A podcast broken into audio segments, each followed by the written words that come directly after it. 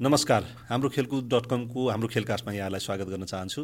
हरेक हप्ता शुक्रबार साँझ छ बजी हामी तपाईँहरूको बिचमा आउने गरेका छौँ। हरेक पटक हामी एकजना नयाँ अतिथिका साथ तपाईँहरूको बिचमा आउने गरेका छौँ। भर्खरै मात्रै नेपाल खेलकुद पत्रकार मञ्चले आयोजना गर्ने पल्सर स्पोर्ट्स अवार्ड सम्पन्न भइसकेको छ। यसपटक यो दुई हजार उना असीको अवार्ड रहेको छ र यसमा यसपटक नेपालको एथलेटिक्सले धेरै अवार्डहरू जित्न सफल भएको छ। पुरुषतर्फको महिलातर्फको र प्रशिक्षकको अवार्ड यसपटक यस एथलेटिक्सले जितेको छ। तिनैमध्ये एकजना महिलातर्फको विजेता हुनुहुन्छ राजपुरा पछाइ जो नेपाल पुलिस क्लबसँग आबद्ध हुनुहुन्छ। उहाँलाई हामीले बोलाएका छौँ। आउनुहोस् उहाँलाई स्वागत गरौँ। स्वागत छ यहाँलाई। थ्याङ्क यू पहिला त तपाईँलाई धेरै धेरै बधाई छ। थ्याङ्क यू सो मच तपाईँको लागि त्यो अवार्ड कतिको अर्थपूर्ण भयो? मेरो लागि एकदम अहिलेसम्म मैले जति नौ वर्ष भयो गेममा लागेको नौ वर्षको सफलता चाहिँ यो अवार्ड नै हो मेरो। कस्तो महसुस हुँदो रहेछ त्यो स्टेजमा गएर अवार्ड लिइराख्दाखेरि चाहिँ? यस्तो खुसी हुन्छ अब त्यसको त कुनै कुरा नै छैन। मतलब व्यक्त गर्नु पनि गाह्रो छ। हजुर। म त्यो दिन तपाईँलाई हेरिरहेको थिएँ एक्साइटमेन्ट पनि थियो अलिअलि डर जस्तो पनि देखिन्थ्यो होइन। हजुर। अनि के भनौँ बोलौँ भन्ने पनि भएको थियो होला होइन? हजुर बोल्दाखेरि नै म कस्तो झुक्किरहेको थिएँ कि अनि अगाडि नै आत्तिएर। तपाईँलाई कतिको विश्वास थियो जित्छु भन्नेमा चाहिँ? मलाई विश्वास हुनाले ढुक्कै त थिएन। म गेमको आधारमा भयो भने ढुक्कै हुन्छ भन्ने थियो। अब यदि सिनियरको आधारमा र अब पुष्पा दिदी मभन्दा धेरै सिनियर खेलाडी हो नि त अनि रेकर्डको आधारमा भयो भने दिदीले पाउनुहुन्छ होला भन्ने चाहिँ थियो। मलाई ढुक्कै चाहिँ थिएन। त्यहाँ पढ्नु नै ठुलो कुरा हो भन्ने चाहिँ थियो मलाई। पनि कता कता पाउँछु म जित्न सक्छु भन्ने पनि आशा पनि त थियो होला फेरि थियो। थियो होइन। तपाईँले अब खेल जीवन सुरु गर्दाखेरि यो अवार्डको बारेमा सुन्नु भएको थियो? थिएन। सुन्नु भएको थिएन। अवार्डको बारेमै थाहा थियो नि तपाईँलाई? हजुर कहिले थाहा पाउनु भएको थियो यो अवार्डको बारे लिएर चाहिँ? भनौँ न यसरी हरेक वर्ष खेलाडीहरूलाई अवार्ड दिइन्छ खेलकुद पत्रकार मञ्चले दिन्छ भन्ने चाहिँ कहिले सुन्नु भएको थियो तपाईँले? यो चाहिँ मैले बहत्तर भने चाहिँ म चौहत्तर त्रिहत्तरतिर म यहाँ आउँदाखेरि काठमाडौँ अनि त्यतिखेर कान्छी दिदी पिपुल चोइसमा पढ्नु भएको थियो। मैले पनि थुप्रै भोट गरेको थिएँ दिदीलाई। त्यतिखेर थाहा पाएको मैले। त्यो त्यो बेलामा तपाईँको खेल्दाखेरि चाहिँ एउटा खेलाडीले होइन तपाईँको आफ्नो विधामा जित्ने तपाईँ जुन कम्पिटिसनमा भाग लिनुहुन्छ त्यसमा जित्ने त तपाईँहरूको लक्ष्य स्वाभाविक रूपमा हुन्छ नै। त्यो बाहेक पनि यो अवार्ड चाहिँ जित्नुपर्छ भन्ने कहिले तपाईँले सोच चाहिँ बनाउनु भएको थियो कि थिएन? म जित्नुपर्छ भन्दा पनि त्यहाँ मनोनित चाहिँ कहिले हुन्छ होला भन्ने चाहिँ फिल हुन्थ्यो। एकचोटि होस् न अनि जे होस् त्यहाँ चाहिँ परेको थियो भन्ने चाहिँ मनमा चाहिँ हुन्थ्यो। जित्छु चाहिँ भन्ने थिएन त्यहीँ परे पनि ठुलो कुरा हो भन्ने चाहिँ लाग्थ्यो। भनेपछि कुनै न कुनै दिन मनोनयनमा पर्नुपर्छ भन्ने चाहिँ लागिरहेको हजुर आशा चाहिँ थियो। त्यो कुराले कतिको खेलाडीहरूलाई मोटिभेट गर्छ? अब हामीले भन्ने गर्नेहरू हामी आयोजक भएको नाताले हामीले चाहिँ के भने यसले खेलाडीहरूलाई एकदमै मोटिभेट गर्छ भन्ने हाम्रो सोचाइ कतिपय खेलाडीहरूले भनेको पनि हामी सुन्छौँ। कि यो अवार्डमा म मनोनयनमा पर्नको लागि पनि आफ्नो तर्फबाट कोसिस गर्छु भन्नुहुन्छ। एउटा खेलाडीले चाहिँ तपाईँहरूको बिचमा कुराकानी पनि हुन्छ होला। हुन्छ। त्यसको लागि त सबैजनाले आफ्नो तर्फबाट चाहिँ बेस्ट गरौँ। अब जस्तो हुन्छ नि हाम्रो इन्टरनेसनल गेमहरू भयो भने त्यसमा चाहिँ मेन भनेको मेडल आयो भने चाहिँ यसमा पढ्नलाई सफल हुन्छ। चान्सेस हुन्छ। अनि त्यो भएर मोटिभेट चाहिँ एकदमै धेरै हुन्छ। अब उनासी त फेरि तपाईँको लागि एकदमै सुखद वर्ष भन्दाखेरि फरक पर्दैन होइन? एकदम लक्की जस्तो तपाईँ क्रस कन्ट्रीमा तपाईँले तपाईँको रजत पदक जित्नुभयो दुईवटा रजत पदक जित्नुभयो होइन? त्यो वर्ष तपाईँले भाग लिएको लगभग अधिकांशमा केही न केही मेडल तपाईँको छ। अधिकांश भन्दा नि धेरै जसोमा च्याम्पियनै हुनु भएको छ। हजुर प्रायः सबैमा भनौँ न दुई तिनवटा गेम मात्रै छुट्यो उनासीको नत्र त सबैमा च्याम्पियन हुनु भएको छ। तपाईँको लागि त्यो खेलको करियरकै सबभन्दा बेस्ट इयर भने हुन्छ लास्ट हजुर एकदम लक्की होइन? अब एउटा खेलाडीले नै तपाईँहरूको त अब अहिले कस्तो भने कम्पिटिसन पनि एकदम छिटो छिटो नजिक नजिक आए जस्तो देख्छौँ हामी होइन? तपाईँहरूले रेस्ट पनि एकदम कम पाएको ट्रेनिङको लागि पनि कम टाइम पाए जस्तो देख्छौँ। त्यो चाहिँ अब आयोजकहरूले पनि अब आफ्नो हिसाबले आयोजना गरिदिएर अनि तपाईँहरूलाई अलिकति प्रेसर त्यसले हुन्छ कि कतिको हुन्छ त्यो मतलब छिटो छिटो खेल्नु पऱ्यो भने? प्रेसर त अब यतिकै भइहाल्छ हाम्रो किनकि बाहिरको देशको खेलाडीले एउटा गेम खेल्यो भने छ सात महिना रेस्ट गरेर राम्रो पर्फर्मेन्स गरेर रेकर्डहरू बनाउँछ होइन। अब हाम्रो आर्थिकको समस्या हुन्छ हामी नखेलौँ भने पनि अब डाइटहरू खानुपर्छ सबै आफै गर्नुपर्छ पुग्दैन घरमा पनि दिनुपर्छ अब नर्मल फ्यामिलीको भएको कारणले होइन। अनि त्यही भएर हामीले बाध्यताले खेल्छौँ तर राम्रो गर्नलाई इन्टरनेसनल मेडल ल्याउनलाई चाहिँ हामीले धेरै गेम नखेल्दा नै राम्रो हो। तर हामीले आफ्नो आर्थिक कमजोरीको कारणले चाहिँ खेल्नुपर्छ त्यसको लागि चाहिँ। जस्तो त्यो त एउटा त्यो एउटा पाटो भयो तपाईँको होइन आर्थिक अवस्थाको कारणले खेल्नुपर्छ भन्ने पैसाको लागि भए पनि खेल्नुपर्छ भन्ने। अरू कुरा त तपाईँको शरीरले पनि त तपाईँलाई साथ दिनु पऱ्यो नि त होइन। सधैँ त तपाईँले चाहे जसो गरेर तपाईँको बडीले मात्रै रेस्पोन्ड त त्यसरी गर्छ भन्ने जरुरी त छैन। होइन? तपाईँ जहाँ खेल्नुहुन्छ त्यहाँ जित्छु म राम्रै गर्छु भन्ने त छैन तपाईँलाई। होइन? अब फेरि एउटा प्रेसर त हुन्छ होला नि तपाईँहरू जस्तो टप एथलिटलाई त कम्पिटिसन पनि त्यही लेभलको हुन्छ। खेलिसकेपछि जित्नुपर्छ कम्तीमा मेडल लाउनुपर्छ भन्ने त फेरि त्यो हुन्छ होला। हुन्छ त्यो त नर्मली अब हामी जस्तो पहिला खेलेर हारिराख्दाखेरि त त्यति मतलब हुन्थेन। अहिले जब तिन चार वर्षको पिरियडमा मेडल लगाइरहेको हुन्छ अनि त्यतिखेर चाहिँ अब मेडल नलाग्दाखेरि के हुने होला ला अरूले के भन्छ होला अनि त्यस्तो फिल चाहिँ डर भइरहेको हुन्छ। त्यसले त तपाईँको प्रदर्शनमा पनि त असर पर्न सक्छ नि एउटा खालको दबाब मानसिक दबाब त तपाईँमा परिराख्ने भयो। हजुर त्यो चाहिँ हुन्छ। हुन्छ होइन। फेरि अब तपाईँ एउटा राम्रो एथलिट भएपछि तपाईँको विभागले पनि तपाईँबाट आशा राख्छ यो राम्रो खेलाडी हो यसले मेडल जित्छ भन्ने। हजुर। होइन? साथीभाइको पनि आशा हुन्छ होला। तपाईँको व्यक्तिगत तपाईँको पनि त आशा हुन्छ होला। हाम्रो चाहिँ यस्तो छ विभागले खेल्नै पर्छ भन्ने चाहिँ छैन। अनि सोध्नुहुन्छ चिठी गएको छ खेल्नुहुन्छ कि नै कस्तो कन्डिसन छ भनेर सोधिरहनुहुन्छ। अनि हामीले खेल्छौँ भनेर भन्यो भने चाहिँ खेलाउनुहुन्छ। त्यस्तो प्रेसर चाहिँ खेल्नै पर्छ भन्ने चाहिँ हाम्रो विभागले गरेको छैन अहिलेसम्म मलाई। भनेपछि तपाईँको आफ्नो चोइस हो। तपाईँ जति खेल्ने भने चाहिँ तपाईँको चोइस हो। हजुर मेरो चोइस हो। मैले खेल्छु यो गेम जान्छु भने पनि लचाउ त भन्ने हुन्छ अफिसबाट। नभए पनि फोर्सफुल्ली चाहिँ तपाईँलाई यसमा जानै पर्छ भन्ने छैन। त्यस्तो कुरा मलाई केही पनि छैन. अब तपाईँको पुलिसमा आएको होइन तपाईँको दुई तिनवटा चरण देखाएको छु मैले होइन। तपाईँको खेल जीवनमा जहाँ तपाईँको सिन्जाबाट सुरु भएको तपाईँको खेल यात्रा चाहिँ अगाडि बढ्दै बढ्दै जाँदा केही मोडहरू पनि आछन् तपाईँकोमा होइन? त्यहाँ हामी पुग्छौँ। पहिला चाहिँ तपाईँ स्कुल पढ्दा पढ्दै भनौँ आठ क्लास पढ्दा पढ्दै तपाईँको खेल जीवन सुरु भयो होइन त? हजुर म सातमा पढ्दाखेरि चाहिँ मलाई चाहिँ कस्तो थियो भने तपाईँको पहिलो चाहिँ घर भनौँ घरबाट जाउँ न हामी जस्तो जुम्ला तपाईँको घर। हजुर जुम्ला। जिल्ला? सिजा सिजा भन्ने ठाउँ भयो? सिजा ठाउँ अनि कनका सुन्दरी गाउँपालिका वडा नम्बर छमा पर्छ पछाइबाट। हजुर। पछाइबाट भन्ने तपाईँको ठाउँको नाम? हजुर। मेरो गाउँको नाम चाहिँ हजुर। अनि त्यहाँ तपाईँको स्कुल त्यहाँ पढ्नुभयो तपाईँले? हजुर म पाँच क्लाससम्म त्यहाँ प्राविधिक स्कुल छ पाँच क्लाससम्म त्यहाँ पढेँ। त्यहाँबाट चाहिँ माभिमा जान्छौँ हामीहरू उता। अनि उता कहाँ जानुपर्छ? हाम्रो घरभन्दा पारी छ लगभग आधा घन्टा जति लाग्छ हिँडेर जानलाई। चाहिँ मैले पनि म गएको त छैन तर त्यो बाटो आएको छु कि। मतलब त्यही बस्तीमा त पुगेको छैन। तपाईँको मुगुबाट आउँदाखेरि पर्दो रहेछ नि त्यो बाटो होइन हजुर मुगुबाट आउने बेला हाम्रो होटेल पनि छ न्यू कणा न्यू कर्णाली होइन? रारा गेस्ट हाउस छ हाम्रो। नेपाली भाषाको चाहिँ सुरुवात त्यहाँबाट भएको भन्ने रहेछ नि होइन? हजुर। त्यही होइन त हजुर। हजुर। त्यही हो। हाम्रो होटेल नै छ राराबाट आउँदाखेरि ट्याक्कै त्यहाँ बास बस्नलाई भनौँ न धेरै वर्ष भइसक्यो लगभग बाह्र तेह्र वर्ष नै भयो। ए हजुर। त्यहीँ छ भनौँ न हजुर। हजुर अनि अब जस्तो तपाईँ माविको लागि चाहिँ अर्को स्कुलमा जानुभयो। हजुर. अनि त्यहाँ गएपछिको? त्यहाँ गएपछि अब हिँडेर जानु पर्थ्यो। कहिले काहीँ हतार हुन्थ्यो अनि म कुदेर जान्थेँ क्या त्यहाँ पुग्दाखेरि। कति टाढा त्यहाँ चाहिँ? त्यहाँ चाहिँ आधा घन्टा लाग्थ्यो हिँडेर स्कुल। जानलाई।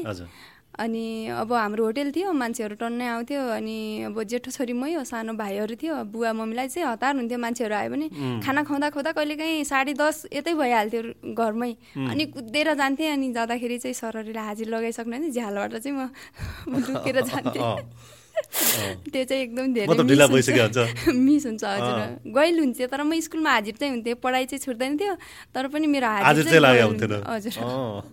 गइल हुन्थ्यो। धेरै धेरै जसो त्यस्तो हुने? धेरै जसो। वर्षमा भनौँ न लगभग दुई सय त्यस्तै दिन जति चाहिँ त्यस्तो हुन्थ्यो। बढी दिन चाहिँ तपाईँको गयल हुने? स्कुल चाहिँ जान्थेँ तर हाजिर चाहिँ हुन्थेन अनि सरहरूले के भन्नुहुन्थ्यो त फेरि? सरहरूले केही भन्नुहुन्थेन त्यस्तो त। अनि तर अलिक पढाइमा चाहिँ कमजोरै छौ भन्नुहुन्थ्यो। अब कामको प्रेसरले पनि होला अनि त्यही भएर पनि अलिक पढाइमा चाहिँ घरमा नपढ चाहिँ भन्नु भएन नि तपाईँलाई? छैन बुवाहरू नपढेको भएर हामीलाई चाहिँ जसरी हुन्छ पढाउनुपर्छ भन्ने चाहिँ थियो बाबालाई। ओके। तपाईँहरू कतिजना भन्नुभयो? तपाईँ ठुलो छोरी हुनुभयो। अरू ठुलो म दुइटा भाइ। दुईजना भाइहरू। ए भनेपछि एक्लो छोरी हुनुहुँदो रहेछ नि त। हजुर होइन?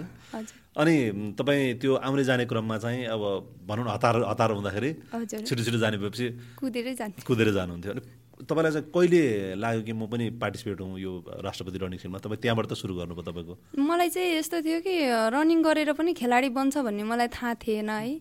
अब म चाहिँ के सोच्थेँ भनेपछि अब म एउटा पुलिस हुनुपर्छ। मेरो चाहिँ एउटा सोच पुलिस हुनुपर्छ मैले देशको सेवा गर्नुपर्छ। जागिर खान चाहिँ मलाई एकदम धेरै सोख के। ए पुलिस हुने चाहिँ तपाईँको चाहना खास। अनि त्यो एउटा म के गर्थेँ भने होटल थियो। बिहान चार बजे उठ्थेँ अनि चिया स्या पकाएर अनि झाडु साडु लगाएर अनि कुद्न जान्थेँ कुदेर आएर अनि फेरि अब मान्छेहरू आयो भने चियाहरू दिन्थेँ कसले भन्यो तपाईँलाई कुद्नुपर्छ भनेर चाहिँ अब त्यहाँ चाहिँ फिजिकल हुन्छ भन्ने चाहिँ थाहा थियो। होइन पाँच किलोमिटर हुन्छ भनेर अब त्यो भनेको तपाईँको चाहिँ। पसलमा होटलमा तपाईँको आउने मान्छेहरूको कारणले बुझेको कि तपाईँले कहाँबाट थाहा पाउनुभयो त नि त्यो त त्यो चाहिँ हाम्रोमा अलि बुवासँग बुवाको साथीहरू हुनुहुन्थ्यो। अनि यो पुलिसको मान्छेहरू अनि। उहाँहरूबाट नै मेरो चाहना थियो अनि त्यही भएर यस्तो यस्तो कुद्नुपर्छ यस्तो गर्नुपर्छ भन्दाखेरि बिहान बिहान चाहिँ कुद्थेँ म अनि त्यो गर्दा गर्दै ट्याक्कै त्यसको दुई तिन महिनापछि रनिल सिल्ड भयो कि त्यहीँ हाम्रै स्कुलमै भयो त्योचोटि हजुर। जस लक्की म अनि त्यतिखेर चाहिँ मैले विशेष त म भलिबल चाहिँ एकदम धेरै खेल्थेँ त्यतिखेर दुई वर्ष कन्टिन्यू मेरो भलिबल नै हुन्थ्यो पहिला। त्यो तपाईँ उसमा माविमा गइसकेपछिको कुरा? हजुर पाँच क्लासदेखि नै म एकदम धेरै उता गइसकेपछि दुई वर्ष कन्टिन्यू भलिबल खेलेको मेरो हार्टले नि साथ दिएन। म लिफ्रो खेल्थेँ। अनि त्यसपछि त्यतिखेर मेन त भलिबलकै फोकस गरेर रनिङ सिलमा गएको। यता चाहिँ रनिङ भइरहेको थियो पन्ध्र सय मिटर। म बिचमै भलिबलबाट निस्केर रनिङ गर्न आएको। आफ्नै स्कुलमा। त्यो भनेको सेलेक्सनको टाइम होला सँगसँगै हुन्छ भलिबल र। रनिङ चाहिँ अब यो रनिङ सिलहरूमा सँगसँगै हुन्छ। यता भलिबल भइरहेको हुन्छ उता रनिङ भइरहेको हुन्छ उम्। अनि यता एक सेट सकिसकेको थियो त्यही हाम्रो टिमले हारिसकेको थियो क्या। जित्यो भए त म बस्थेँ। दुई सेट हारिसकेको थियो लास्ट सेट थियो। अनि निस्केर म गएर कुदेको सेकेन्ड भएँ।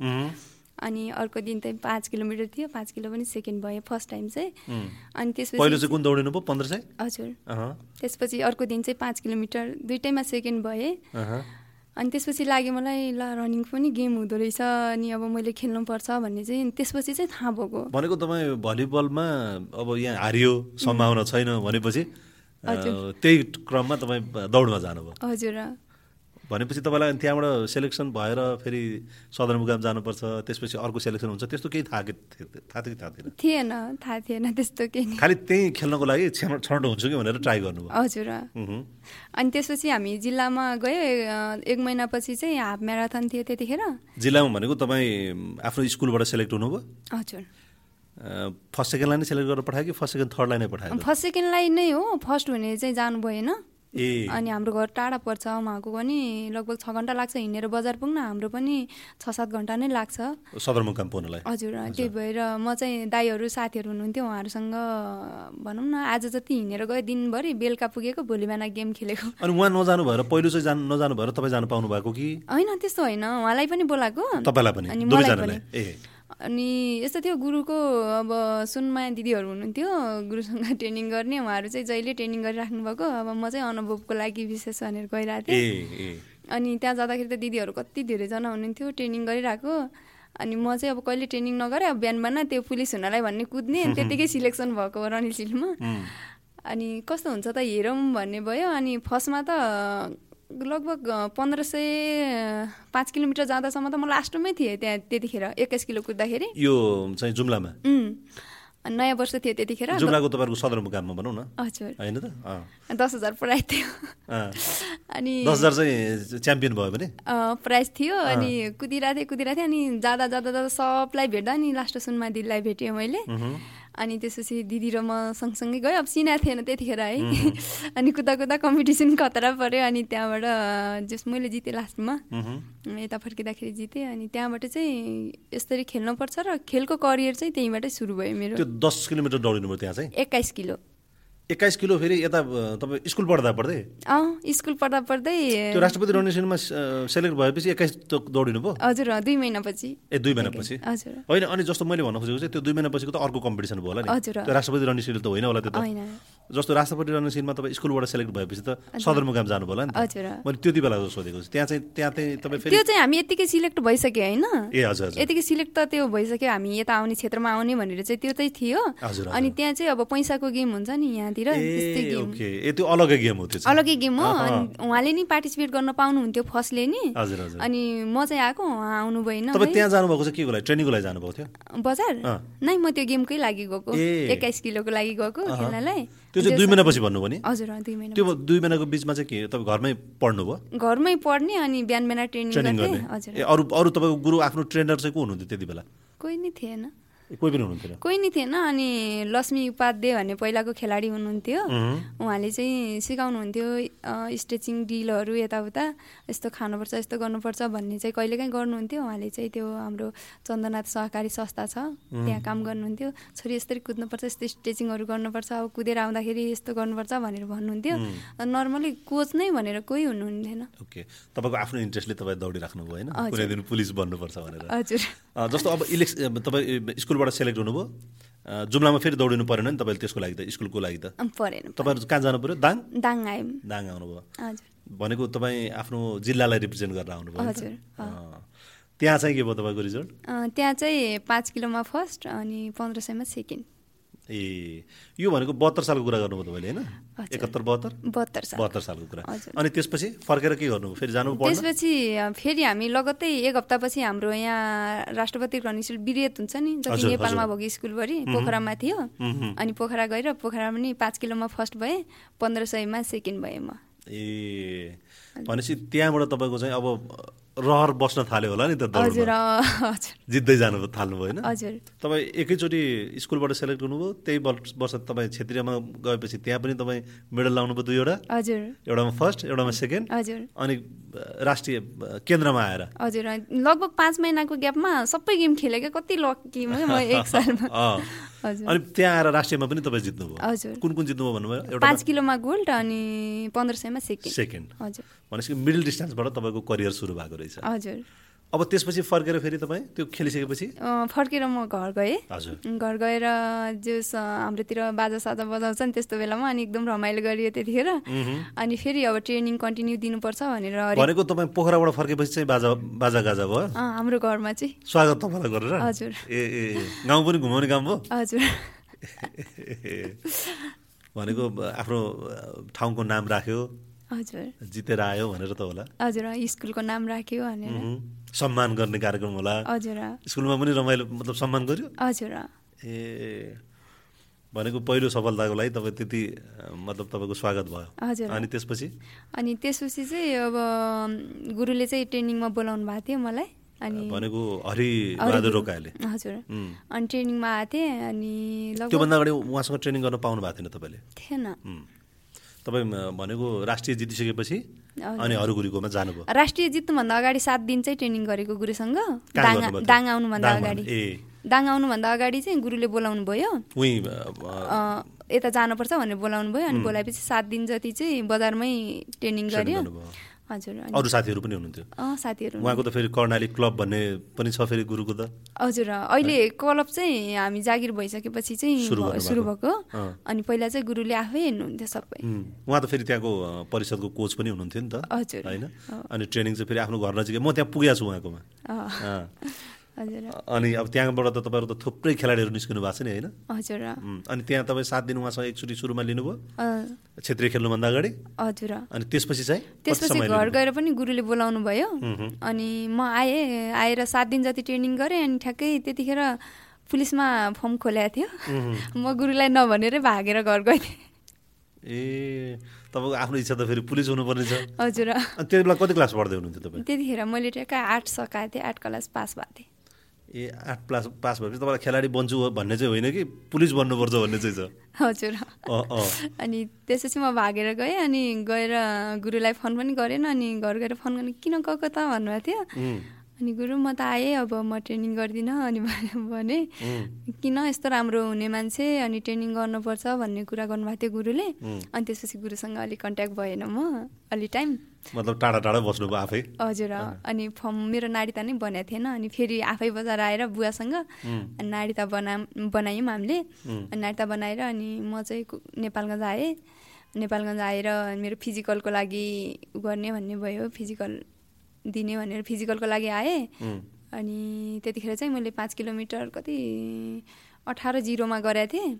अनि एसएसपी सर हुनुहुन्थ्यो श्यामबहादुर खत्री। अनि उहाँले चाहिँ मलाई यति राम्रो खेलाडी हाम्रो क्लबमा आयो भने राम्रो हुन्छ भनेर जुन दिन फिजिकल भयो त्यो अर्को दिन नै मलाई बोलाउनु भयो। अनि तिमी आऊ यस्तो यस्तो हामी तिमीलाई पढाइदिन्छौँ भित्रबाट क्लास लगेर। अनि त्यहीँ खाना बस्नको लागि फ्री गराइदिन्छौँ। तिम्रो जागिरको लागि त्यतिखेर लोकसे आयोगले ठ्याक्कै मेरै पालामा लग्ने गराइदियो क्या। अनि त्यही भएर सरले चाहिँ भित्रै क्लासहरू हुन्छ। अनि भनेर एउटा गुरुआमा लिलावली भन्ने हुनुहुन्थ्यो। उहाँलाई खटाइदिनु भएको थियो। अनि म पुलिस भएको थिएन अनि नमस्ते सर नमस्ते सर भन्दै हिँड्थेँ भित्र। अब भित्रको सबै छुट्टै हुँदो रहेछ। मलाई थाहा थिएन अब आफै भइसकेपछि चाहिँ थाहा भयो। अनि जो सरले धेरै सपोर्ट गर्नुभयो दुई महिना पढेपछि त्यहाँ नपढेको भए त म नाम निकाल्न सक्थिनँ होला सायद। अनि त्यहाँ चाहिँ क्लास लगेर सरले सपोर्ट गर्नु भएर चाहिँ मैले नाम निकाल्न सफल भएँ भनौँ न। अनि जो पुलिसमा आएँ पुलिसको बहत्तर। सालकै कुरा हो त्यो? हजुर। बहत्तर सालमै तपाईँ भर्ती हुनुभयो? हजुर। बहत्तर साल कति माघ तिनको चाहिँ नियुक्ति हो मेरो। बाफरे बा भनेपछि तपाईँ त्यही वर्ष स्कुलको कम्पिटिसन फेरि क्षेत्रको कम्पिटिसन फेरि। नेसनल कम्पिटिसन त्यही वर्ष तपाईँ पुलिस। लक्की म्यान अनि तपाईँ कसलाई चिन्नुहुन्थ्यो त? एथलेटिक्समा चाहिँ को तपाईँले चिनेको चाहिँ को थियो त? तपाईँले खेल्न जति बेला स्कुलमा खेल्दा त सायद तपाईँलाई थाहा थिएन होला। एथलेटिक्सको खेलाडीहरूको बारेमा होइन? एथलेटिक्सको बारेमा मलाई थाहा थिएन। मेन त म छ क्लास पढ्दादेखि दुई वर्ष कन्टिन्यू मैले भलिबल गरे भएर मेरो नसा नै भलिबल थियो। अनि भलिबलको लागि जतिखेर नि म खेल्ने भलिबल रोड थियो हाम्रो घरको अगाडि बल मैले तिनवटा चारवटा आफै किनेर फटाएको कि। डिफेन्स चाहिँ मेरो धेरै राम्रो थियो फिङ्गर चाहिँ त्यति आउँथेन मलाई। अनि रनिङ भन्दा नि मलाई भलिबल चाहिँ एकदम धेरै नसा नै भइसकेको थियो। घरको कामहरू सब भुलेर बुवाले त एक दिन नाङ्गै पारेर सिनुले सिस्नाको उसले चुट्नु भएको छ मलाई भलिबल नखेल भनेर। तर कामलाई असर गर्यो होला नि त। हजुर। अनि त्यहाँबाट चाहिँ मैले मान्दै नमानेपछि चाहिँ बुवाले पनि हार खाएर अनि खेल्न दिनुहुन्थ्यो। अनि तपाईँलाई त्यो भलिबल छोड्ने चाहिँ किन सोच आयो त? अनि एथलेटिक्स गर्छु दौडिन्छु भन्ने चाहिँ कसरी आयो त? यस्तो भयो मेन त जागिर खान्छु भनेर पनि त्यहाँ रनिङमा गएको म होइन? अनि पछि आएर भलिबल खेल्छु भन्ने चाहिँ थियो मलाई मनमा क्लबमा आइसकेपछि। अनि त्यहाँ जाँदा जाँदा पछि जागिर भइसके पनि अब रनिङ नै ठिक होला कि जस्तो लाग्यो किनभने चाहिँ अब ग्रुप गेममा राम्रो त राम्रो हुन्छ सबैजना साथीहरू मिल्न सकिन्छ यताउता हुन्छ। तर पनि एकजनाले बिगार्दा बित्तिकै गाह्रो अलि आफ्नो पनि हाइट पनि थिएन। मेन त हाइटले धोका दियो। इच्छा भए पनि। हजुर हाइटले चाहिँ धोका दिएको। अनि अब त्यसपछि तपाईँ त्यो एक्काइस किलोमिटर चाहिँ कहिले खेल्नुभयो? एक्काइस किलोमिटर त्यो रनिङ सिट भएको दुई महिनामै खेलेँ भने नि मैले। त्यो चाहिँ फर्स्ट टाइमको थियो। त्यो चाहिँ जुम्ला बजार गएर। हजुर। एक घन्टा चौतिस मिनटमा पार गरेको थिएँ मैले फर्स्ट टाइमको जुम्लामा। जोस् राम्रै थियो इन्डोर सुनमाया बुढा भने जो अहिले अल्ट्रा धावक हुनुहुन्छ होइन त? हजुर दिदी। उहाँ उहाँले पनि त एकदमै राम्रो भएको छ। उहाँ चाहिँ अहिले एकदम राम्रो छ उहाँको नि उहाँसँग कुराकानी हुन्छ? हुन्छ। के भन्नुहुन्छ त? के भन्नु न ठिक छ। बाहिरतिर उहाँको त धेरै त बाहिर गेम हुन्छ नि त। अनि आउनुहुन्छ यहाँ छ यस्तो कम्पिटिसन भन्नुहुन्छ। मैले नि अल्ट्रा खेल्नुपर्ने रहेछ जस्तो लाग्छ कहिलेकाहीँ। उहाँको त्यो सफलता देखेर। अनि अब त्यसपछि तपाईँको सुरु भयो तपाईँ पुलिसमा जानुभयो होइन? हजुर। पुलिसमा गएपछि तपाईँको त अब त्यो ट्रेनिङ भयो होला। त्यति बेला त तपाईँको एथलेटिक्स त त्यहाँ रहेन ट्रेनिङ। हजुर। होइन? पुलिसकै ट्रेनिङ गर्नु पऱ्यो नि होइन? अनि पुलिसको ट्रेनिङ तपाईँ नेपालगञ्जमै गर्नुभयो? नेपालगञ्ज हजुर। ए कति महिनाको ट्रेनिङ गर्नुभयो? एघार महिना। एघार महिना त्यहाँ ट्रेनिङ गर्नुभयो। अनि त्यसपछि? त्यसपछि चाहिँ पास आउट भएपछि चाहिँ मलाई यहाँ क्लबमा आउने मन थियो। ठ्याक्कै दरबन्दी पनि एक नम्बर गणमा परिदिए नक्सालमा। अनि त्यहाँ लगभग एक हप्ता त्यो तपाईँको ट्रेनिङ सकेपछिको पोस्टिङ? हजुर पोस्ट ए ए तपाईँले के भन्नुभएको थियो कि म क्लबमा जान चाहन्छु भनेर कि? मैले मलाई मनमा चाहिँ थियो भन्न नि भनेको। त्यतिखेर श्याम सर चाहिँ यता एयरपोर्टमा आइसक्नु भएको थियो। हजुर।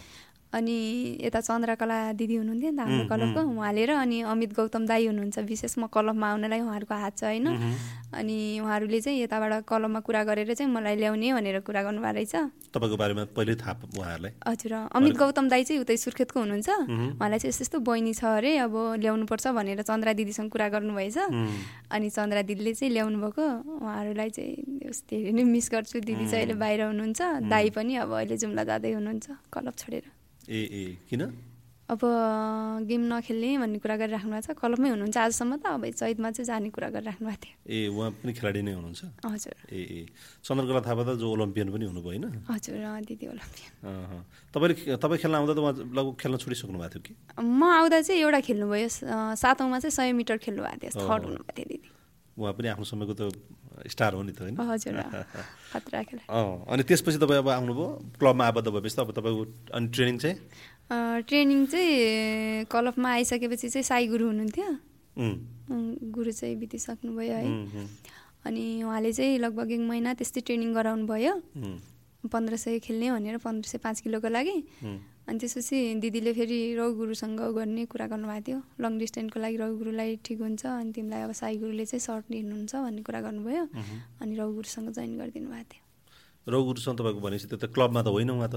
क्लबमा होइन आउट अफ हुनुहुन्थ्यो। त्यही। पनि अनि हामीले चाहिँ उहाँसँग गरेर ट्रेनिङ चाहिँ गर्न मिल्थ्यो। तपाईँलाई भनेपछि चन्द्रकलाजीले भेटाउनु भयो दिदीले हजुर। हाम्रो कमान्डर नै उहाँ हो नि त। अनि त्यही भएर दिदीले चाहिँ एकदम धेरै गाइड गर्नुहुन्थ्यो। मेरो फ्यामिली भन्दा नि हुन्छ उहाँकै घरमा बस्थेँ म। उहाँसँगै हिँड्ने उहाँसँगै खाने सबै जस भनौँ न एउटा आफ्नो आमा जस्तै भने नि भयो। त्यति सपोर्ट गर्नुहुन्थ्यो दिदीले। त्यसपछि तपाईँको अब करियर अब के गर्नुभयो त्यहाँ? ट्रेनिङ त्यो तपाईँको सक्यो। हजुर। अनि अब यो बिचमा तपाईँको आउँछ बिहाको प्रसङ्ग आउँछ होइन? ट्रेनिङ सकेपछि तपाईँ जब काठमाडौँ आइसकेपछि होला नि तपाईँको बिहाको कुरा त त्यसपछि भयो नि होइन?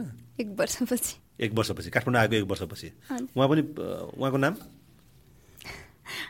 अहिले स्टप गरिदिउँ न। नाम नभन्ने ल ठिकै छ। जे होस् पुलिसमै हुनुहुन्थ्यो उहाँ पनि। खेलाडी नै हो नि होइन उहाँ पनि? जुडोको खेलाडी हुनुहुन्थ्यो। अनि त्यसपछि? तपाईँ त त्यो बिचमा त तपाईँको बिहा भइसकेपछि तपाईँ फेरि हराउनु भयो हजुर दुई दुई वर्ष जति। दुई वर्ष जति नै हराउनु भयो? हराउनु भन्नाले मैले गेम चाहिँ छोडेको होइन। अलि बिहे गरेपछि मेरो कन्सेप्ट कस्तो भयो भने अब गेम खेलेर चाहिँ खासै केही हुन्न जस्तो लाग्यो क्या। अब यहाँ आइसकेपछि खै किन त्यस्तो मानसिकता भयो मेरो है। अनि उहाँले नि गेम राम्रो भएन भने नखेल्ने जस्तो कुरा गर्नुभएको थियो। अनि उहाँ चाहिँ उतै डोटीतिर हुनुहुन्थ्यो। म यतै थिएँ। अनि नखेल्ने अब एउटै ठाउँ पोस्टिङ भएर बस्नुपर्छ भन्ने कुरा गर्नुभएको थियो। अनि फेरि म जब रघु गुरुसँग आएँ अनि रघु गुरुसँग ट्रेनिङ गर्दाखेरि चाहिँ गुरुले धेरै कुरामा हौसला दिनुहुन्थ्यो। अब राम्रो हुन्छ नानी केही हुन्न त्यति छोड्दा नि अब ट्रेनिङ गरे नै हुन्छ भने गुरुले चाहिँ धेरै सपोर्ट गरेर चाहिँ म जस फेरि फर्किनु भयो। हजुर बिचमा चाहिँ तपाईँको कति ग्याप भयो त? दुई वर्ष जति। दुई वर्ष? त्यो भनेको तपाईँको त्रिहत्तर साल पछिको कुरा रह्यो नि। सातौँ खेल्नुभयो तपाईँ? सातौँ खेलेको। राम्रो भएन। राम्रो भएन नि। सातौँ भनेको तपाईँ पूर्वाञ्चलमा गएर इटरीमा दुईचोटि। राखेप पनि सातौँ पनि। त्यो चाहिँ तपाईँको ट्रेनिङ सकिसकेपछि होला नि? हजुर। पुलिसको ट्रेनिङ सकेपछि हजुर। त्यहाँ राम्रो भएन रिजल्ट? भएन। तर पनि ट्रेनिङ चाहिँ छोड्नु भएन? अनि ट्रेनिङ?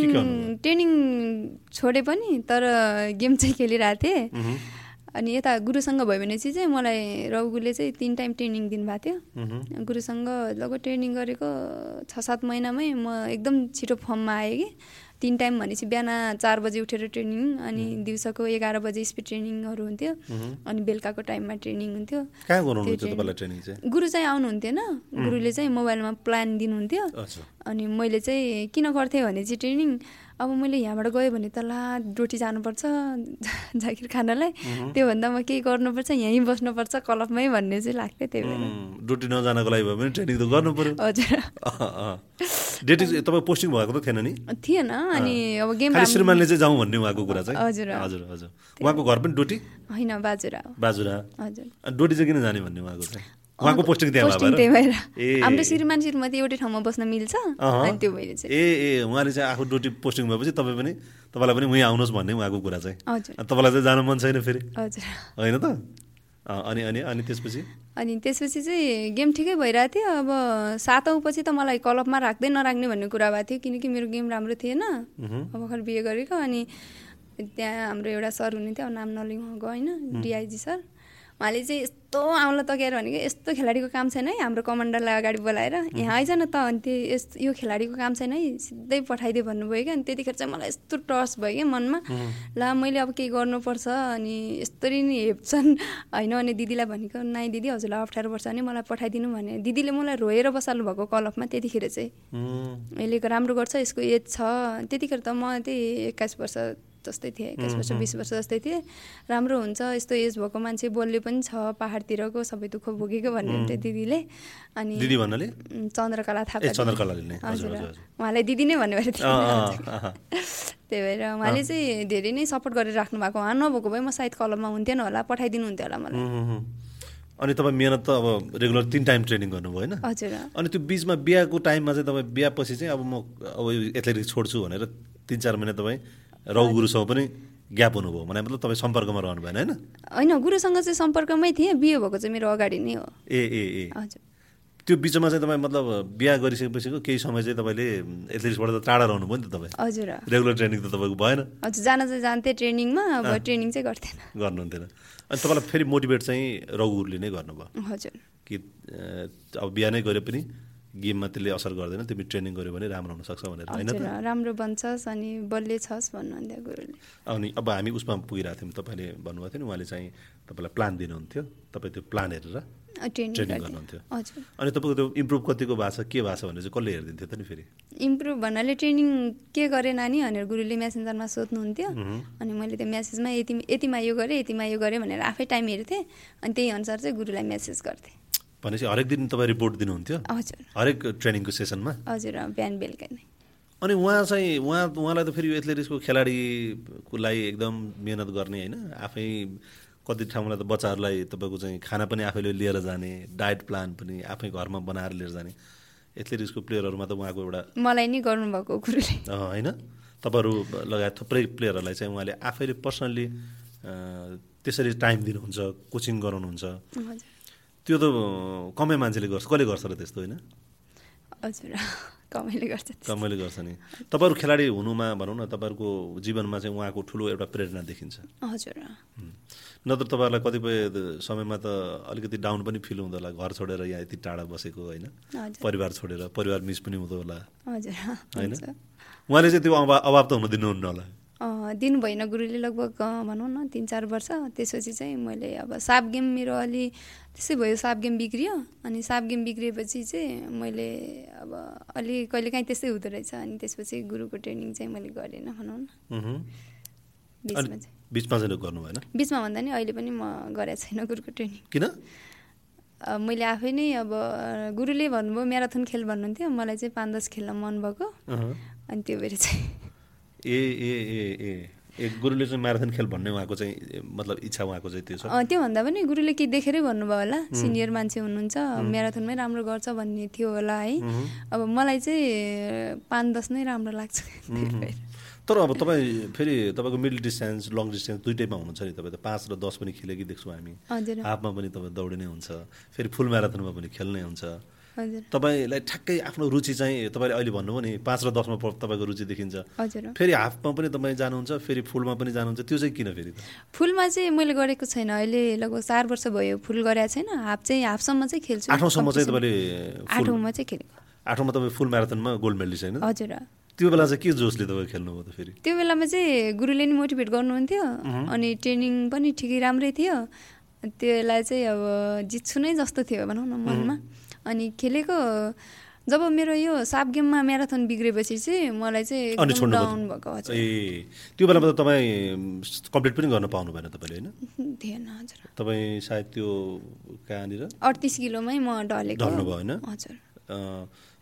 त्यो सायद तपाईँ सिंहदर के अरे शहीद गेटतिर शहीद गेट होइन यता के अरे भद्रकाली। भद्रकाली भन्दा यता अगाडि नै जमलको पुलभन्दा यता अगाडि टक्कै हाम्रो राजाको दरबार जाने बाटो। अनि त्यसपछि तपाईँलाई के ब्लू क्रस ल्याएको मलाई थाहा नै छैन। कसले ल्यायो भने थाहा छैन। हजुर।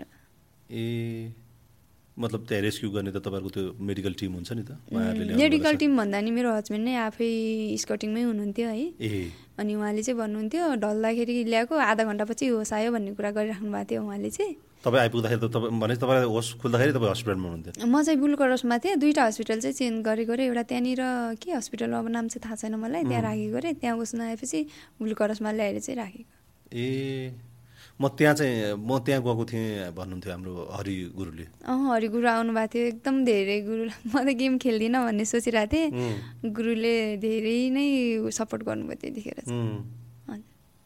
के भन्नुभयो त अनि उहाँले? खेल्नु पर्छ हेर नानी उतार चढाव हुन्छ कहिलेकाहीँ हारिन्छ म पनि। कतिचोटि हारेको छु होइन। त्यस्तो भन्नुभयो? मैले नि कतिचोटि हारे पनि छु जिते पनि छु त्यस्तो माइन्ड गर्नुहुन्न सानै छस् खेल्छस् भनेर त्यतिखेर गुरुले चाहिँ एकदम धेरै नै उ गर्नुभएको थियो मलाई। तपाईँहरूको जुम्लामा चाहिँ अब जस्तो देशमा त हरिरो गायो भनेपछि एउटा एथलेटिक्सको एउटा लिजेन्ड होइन? हजुर। एउटा चाहिँ यस्तो खेलाडी ओलम्पिक नै दुईपल्ट खेल्नु भएको एभरेस्ट म्याराथनको उहाँ अब गिनिज बुकमा नामै लेखिएको मान्छे होइन? तपाईँहरूको जुम्लामा चाहिँ उहाँको कस्तो खालको नाम छ?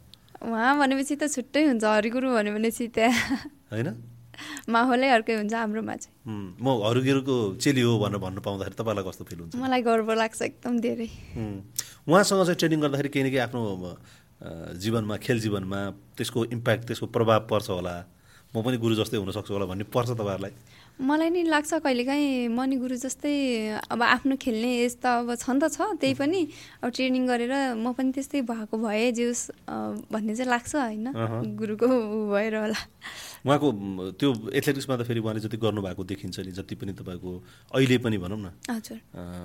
जिल्लामा होस् प्रदेशमा होस् या केन्द्रमा होस् उहाँको एउटा एउटा चेली या चेला त हुन्छ हुन्छ होइन? हजुर। अब आर्मी पुलिसमा हेऱ्यो भने पनि सशस्त्रमा हेऱ्यो भने पनि उहाँको कोही न कोही चेला त हुन्छ। हुन्छ होइन?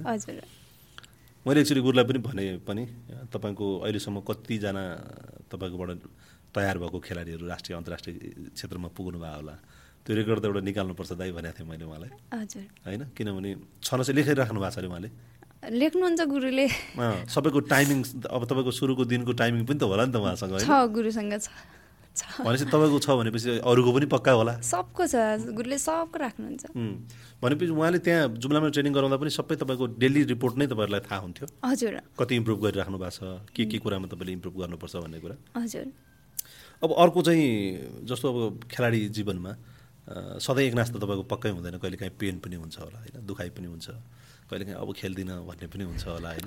अब छोड्छु भन्ने पनि हुन्छ होला। हुन्छ कसरी तपाईँले आफूलाई म्यानेज गर्ने चाहिँ कसरी त मोटिभेट गर्ने कसरी त म होइन मैले गर्न बाँकी छ।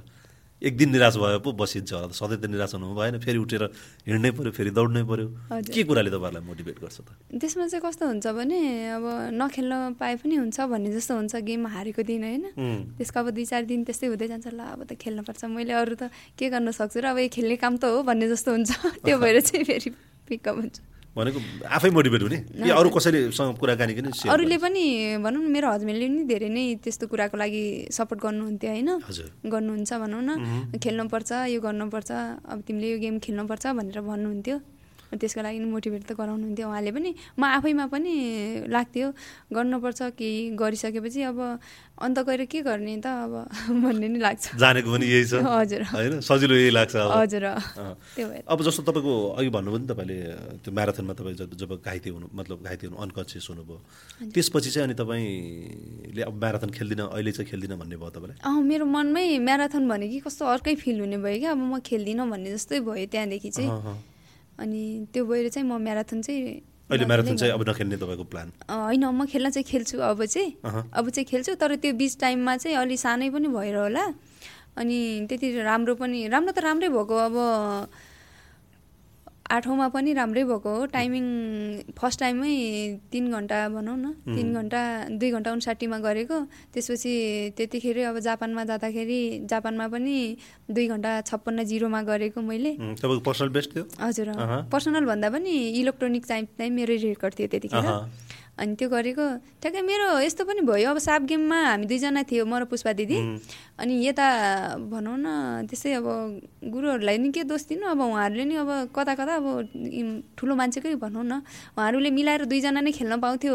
हामीलाई सिलेक्सन नगराएको पनि हुन्थ्यो होइन? उहाँहरूले ठ्याक्कै म खेलेको खेलेर फर्केँ म्याराथन खेलेर लगभग भनौँ न नर्मली अब बलियो मान्छेलाई त केही हुँदैन। अलि नर्मल मान्छेलाई चाहिँ गाह्रै हुन्छ नि त। ग्याप कम थियो? ग्याप कम भयो मेरो लागि। रेस्ट कम भयो। पैँतिस दिन हो कि कतिको दिनमा फेरि पैँतिस किलो सिलेक्सन भयो क्या। अब त्यसमा चाहिँ अब म थाकेर आइरहेको छु होइन त्यो सिलेक्सनमा चाहिँ दिदीले जित्नु भएको थियो। अनि त्यो सिलेक्सन नगराउँदा पनि हुन्थ्यो जस्तो लाग्थ्यो क्या मलाई। तपाईँले त्यो त्यो चाहिँ भन्नु भएन? मैले भनेको भन्दा नि अब गर्नुहुन्छ होला गुरुहरूले खेलाउनु हुन्न होला चाहिँ भन्ने मनमा थियो। अब उहाँहरूको के सल्लाह भयो गराउनु भयो होइन। फेरि तपाईँको त इलेक्ट्रोनिक टाइमिङ जापानमा भएको तपाईँको टाइमिङको त त्यहीँबाट निस्किहाल्थ्यो। हजुर। होइन? हजुर। यहाँ कम्पिटिसन भन्दा नि हामीले त बाहिरको देशकोसँग कम्पिटिसन गर्ने हो नि त। अनि मलाई चाहिँ दुईजना फिक्स नै थियो कि एकजना फाल्ने भए त ठिकै हो। अनि त्यो भएर चाहिँ कति नरमाइलो चाहिँ त्यतिखेर चाहिँ लागेको थियो मलाई। अनि ठ्याक्कै त्यो साउथ एसियन गेमको सेलेक्सनभन्दा अगाडि तपाईँ जापान जानुभएको? एसियन सिलेक्सन भइसक्यो होइन। सिलेक्सन भएर पनि हामी भदौको महिना यहाँ मङ्सिरमा गेम छ। भदौमा चाहिँ खेलेर आएको म। अनि भदौमा आउँदा बित्तिकै ठ्याक्कै त्यसकै कति तिस दिनमा हो कि कतिमा पैँतिस किलो फेरि बिचमा सिलेक्सन भयो। त्यो पैँतिस किलो सिलेक्सनको आफूलाई चाहिँ लोड ज्यादा भयो भन्ने तपाईँको हजुर मलाई चाहिँ त्यही लाग्छ। किनकि अब त्यतिखेर अलि एज पनि सानै थियो मसलहरू नि बलियो थिएन। भर्खर भर्खर म्याराथन गरेको मलाई चाहिँ त्यो चाहिँ फिल हुन्छ। अहिले चाहिँ भनौँ न मलाई चाहिँ अब त्यो नहुन सक्छ जस्तो अब तपाईँको पहिलो इन्टरनेसनल भनेर चाहिँ जापान जानुभयो तपाईँ म्याराथन खेल्नलाई। होइन? जापान जाने भनेपछि एउटा एक्साइटमेन्ट त थियो होला नि त। हजुर। होइन? जानु मन मतलब तपाईँ साउथ एसियन गेमको लागि तपाईँ फोकस भए पनि एउटा एक्साइटमेन्ट त अब पहिलोचोटि जाने होइन? अनि कोच को को हुनुहुन्थ्यो तपाईँको त्यो टिममा? मेरो टिममा चाहिँ धनराम गुरु हुनुहुन्थ्यो? अहिलेको मेरो कोच. अनि होमलाल दाई अनि अर्को को हुनुहुन्थ्यो? हामी तिनजनै हो जस्तो लाग्यो। तिनजना। त्यो ओलम्पिक कमिटीको त्यो कस्तो नाम लाग्यो त्यो दाईको? दाई हुनुहुन्थ्यो एकजना। ला नामै बिर्से दाईको। ल ठिकै छ। अनि उहाँ पुग्नुभयो। यहाँबाट जाँदाखेरि चाहिँ के थियो? मनमा चाहिँ एक्साइटमेन्ट हुन्छ होला नि त? थियो त्यहाँ गएर राम्रो गर्छु भन्ने चाहिँ थियो। अब मेडल आउँछ भन्ने चाहिँ थिएन मनमा। राम्रो गर्छु चाहिँ भन्ने थियो। आफ्नो टाइमिङ राम्रो गर्ने भन्ने। हजुर। तपाईँ सेलेक्ट भएर जानुभएको थियो यहाँदेखि? सिलेक्ट भन्दा नि आठौँमा चाहिँ फर्स्ट भएको त्यही आधारमा चाहिँ पठाउनु भयो जस्तो लाग्यो। ए। अनि त्यहाँ जानुभयो त्यसपछि? अनि त्यसपछि चाहिँ यता आयो। त्यसपछि त्यहाँको रनिङ कस्तो भयो राम्रै भयो त्यहाँ? राम्रै भयो दुई घन्टा छप्पन्न आफ्नो। बेस्ट टाइम तपाईँको त्यही भन्नु पनि हजुर मेरो बेस्ट अनि इलेक्ट्रोनिक टाइम पनि फर्स्ट रेकेट नै थियो मेरो। ए भनेपछि अहिले पनि तपाईँको बेस्ट टाइमिङ त्यही नै भयो? हजुर। दुई छप्पन्न? हजुर दुई? छप्पन्न जिरो। जिरो अनि त्यो भइसकेपछि त्यहाँको अरू खेलाडीहरूको देख्दा होइन त्यहाँको जापानको त्यहाँको त्यो रङ्गशाला नै भन्नु त्यहाँको सिस्टमहरू देख्दाखेरि चाहिँ के फिल गर्नुभयो? हामी पनि यहीँ जन्म्या भए हामी पनि कति राम्रो हुन्थ्यो होला जस्तो लाग्थ्यो। अनि है? अँ, अनि बसो बसो पनि भयो? हजुर।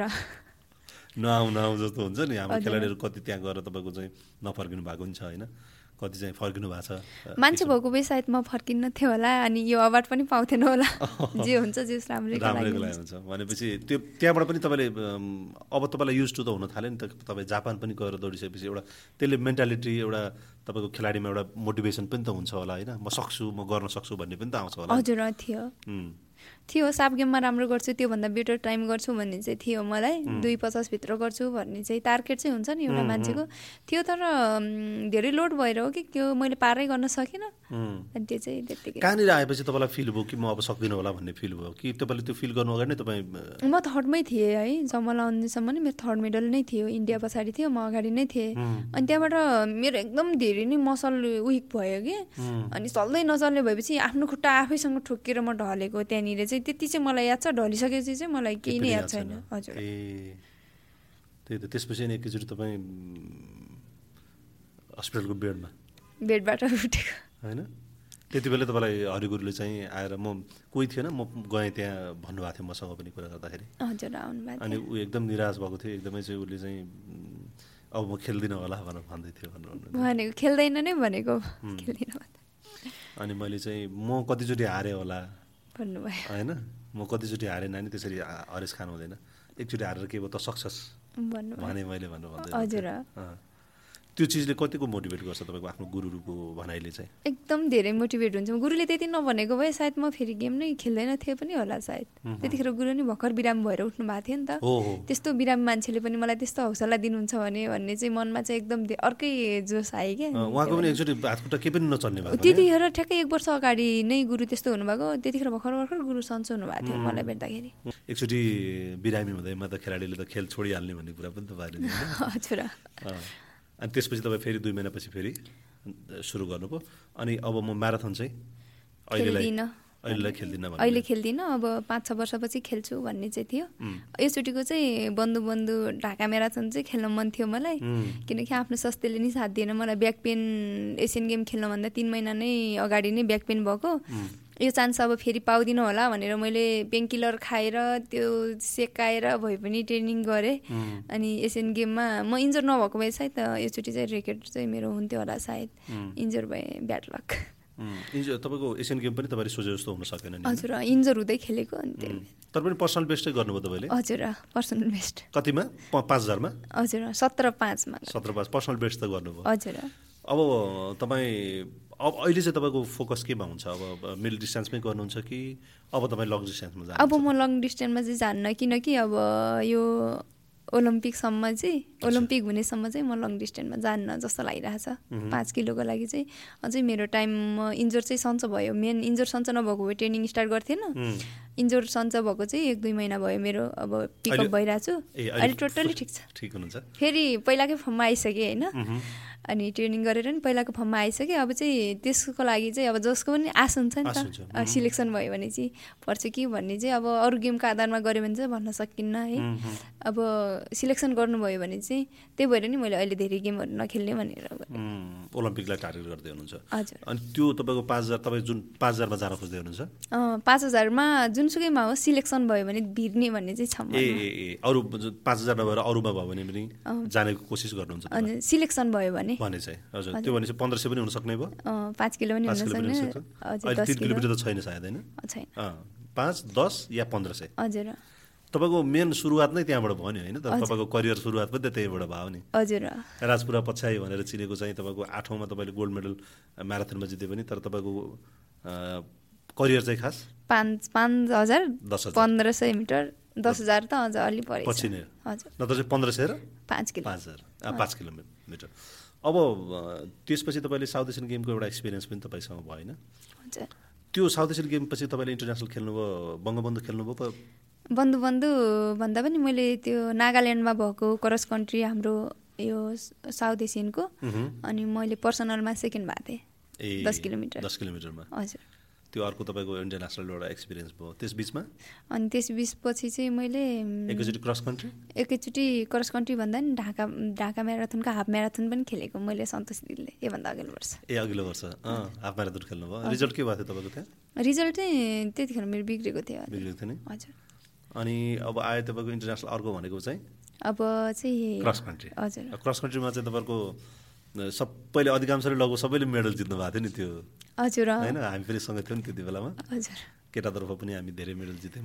तपाईँहरूको पनि हाम्रो एज ग्रुपमा पनि जित्यौँ क्या सायद हामीले होइन? हजुर हो हो। नौवटा कि कतिवटा मेडल जितेको थियौँ हामीले। हजुर। अल्टिच्युड भयो अब इन्डियालाई चाहिँ अलि अल्टिच्युड भएर गाह्रो भएको जस्तो लाग्यो मलाई। नत्र खेलाडीहरू त धेरै राम्रो खेलाडीहरू आयो हुन्।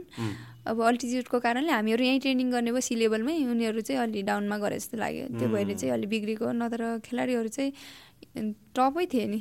हो नि हजुर तपाईँको इन्टरनेसनल मेडल भनेको त्यही दुईवटा हो नि होइन? तपाईँको करियरको हजुर दुईवटा।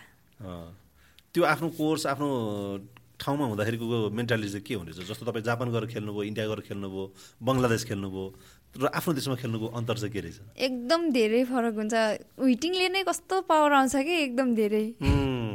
झन् त मेरो लास्ट फिनिसिङमा पर्दाखेरि सबले विटिङ गरेको देखाएको म त मरे पनि मर्छु भन्ने जस्तो फिल भएर चाहिँ म त्यहाँनिर फिनिसिङ गरेँ त्यो खालको जोस आउँछ? हजुर। त्यहाँनिर चाहिँ त्यस्तो हुन्छ एकदम धेरै।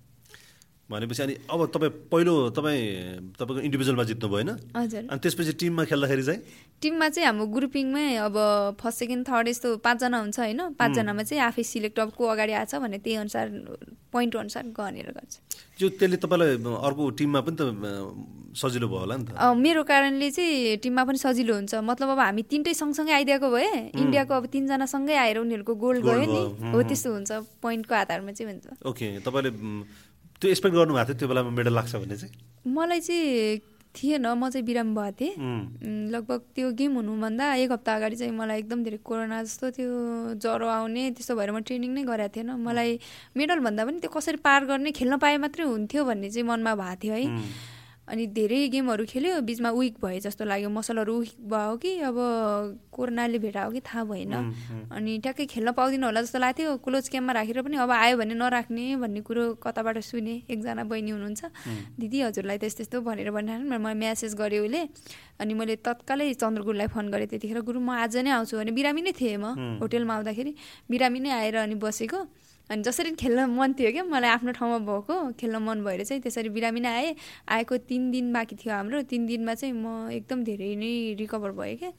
अनि रिकभर भएर मैले सोचेकै थिएन मेरो मेडल लाग्छ। मैले सबभन्दा लास्टमा मै हुन्छ होला जस्तो लाग्थ्यो हाम्रो नेपालबाट। लाग्थ्यो तर त्यो धेरै नै फरक भयो सिचुएसन अनुसार आफ्नो ठाउँ भएर पनि त्यसले फरक पार्यो होला कि? हजुर। त्यो अनि मेन त्यहाँ बिचमा चाहिँ तिम्रो यस्तो कुराहरू चाहिँ गुरुहरूले हाम्रो गुरुले चाहिँ भन्नुभयो होइन अनि त्यहाँ म्यानेजमेन्ट गर्ने मान्छेले चाहिँ नाम नलिम उहाँको उहाँले चाहिँ तिम्रो गुलकुच पावर सबै सकिसक्यो तिमीले यति गेम खेल्यौ तिमीले देशको लागि खेल्ने हो पैसाको लागि खेल्ने हो कि देशको लागि खेल्ने हो भनेर क्वेसन गर्नुभएको थियो। मलाई त्यो कुराले चाहिँ मलाई एकदम ट्रस्ट गरेको थियो। किनकि मैले अब खेल्नै सक्दैनस् भने चाहिँ पार गर्न त सक्छु होला नि होइन? मनमा चाहिँ त्यो आँट थियो।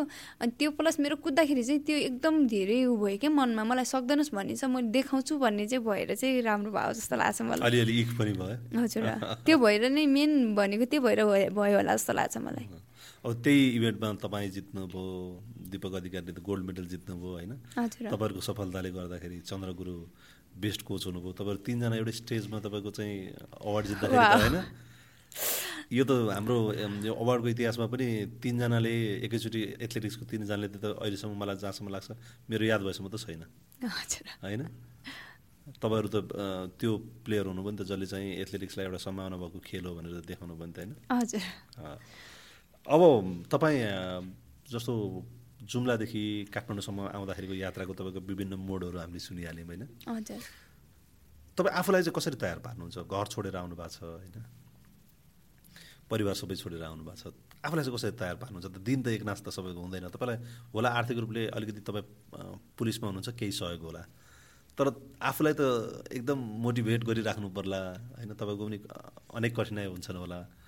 साथीभाइको कुराहरू पनि सुन्नुहुन्छ होला। कति कुराहरू त आउँछन् होला नि त मनमा होइन धेरै कुराहरू खेल्छ तर त्यसमा चाहिँ मलाई कस्तो लाग्छ भने होइन मैले राम्रो गर्नुपर्छ अझै एज छ म गर्छु भन्ने चाहिँ मनमा चाहिँ हुन्छ।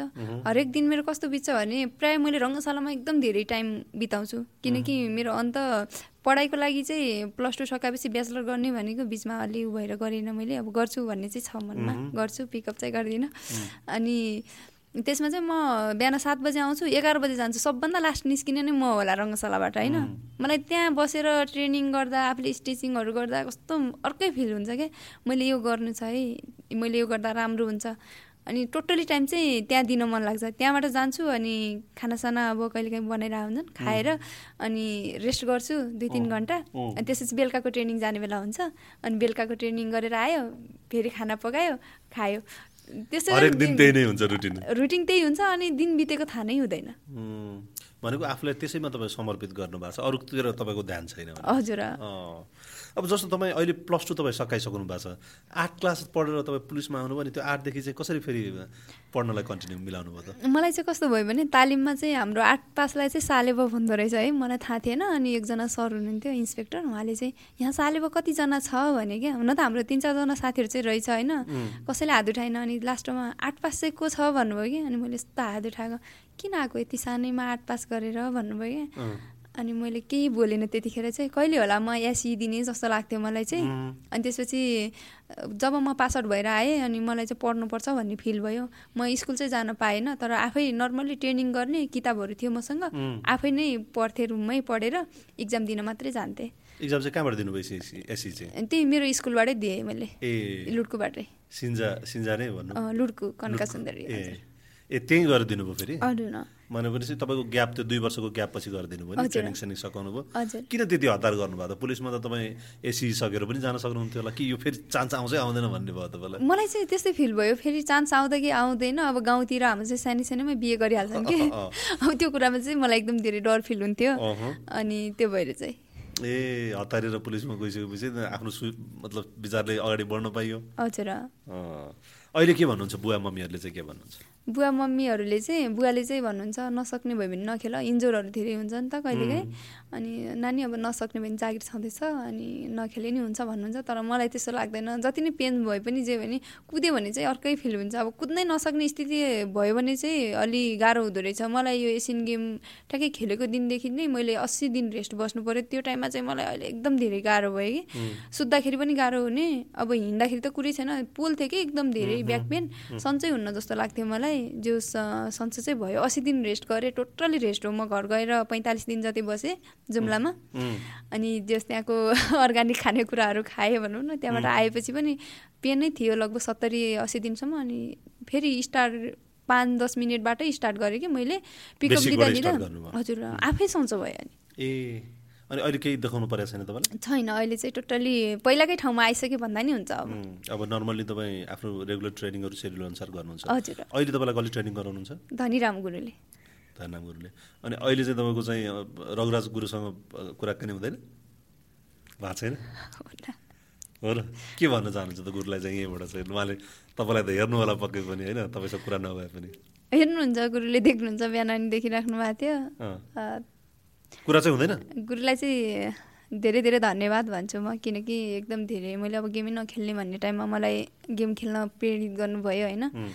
अनि गुरुलाई धेरै धन्यवाद भन्न चाहन्छु तर म कहिले बिर्सिन्न होला? किनकि मान्छेले एकचोटि गुण लाउन सक्छ होइन सधैँ सक्दैन। किनकि मलाई कोच गरेको मान्छे हो चार वर्षसम्म भनेपछि थोरै होइन।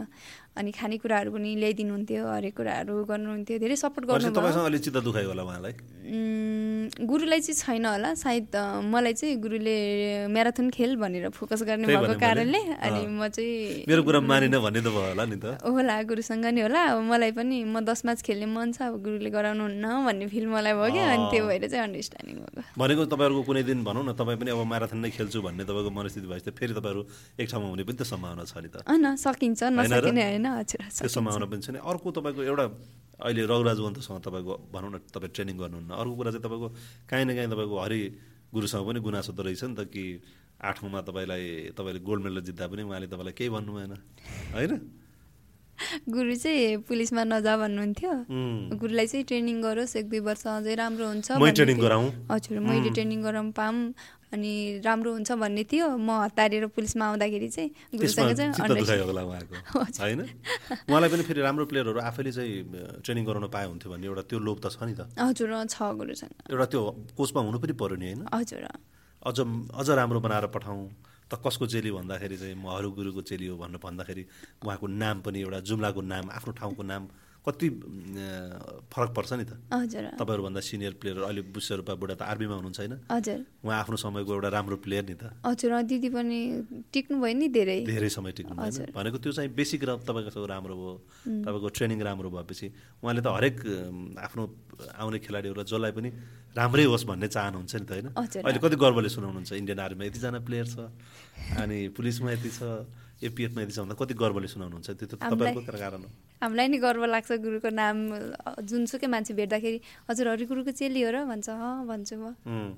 अर्कै एउटा छुट्टै मजा त अहिले पनि त्यो तपाईँको जुम्लातिरबाट आउँदाखेरि चाहिँ भनौँ न पाँच छजना बच्चाहरू लिएरै अँ गुरुले भाइ बहिनीहरूलाई ल्याउनुहुन्छ। खुसी लाग्छ भाइ बहिनीहरूले नि राम्रो गरोस् भन्ने चाहिँ हुन्छ मलाई।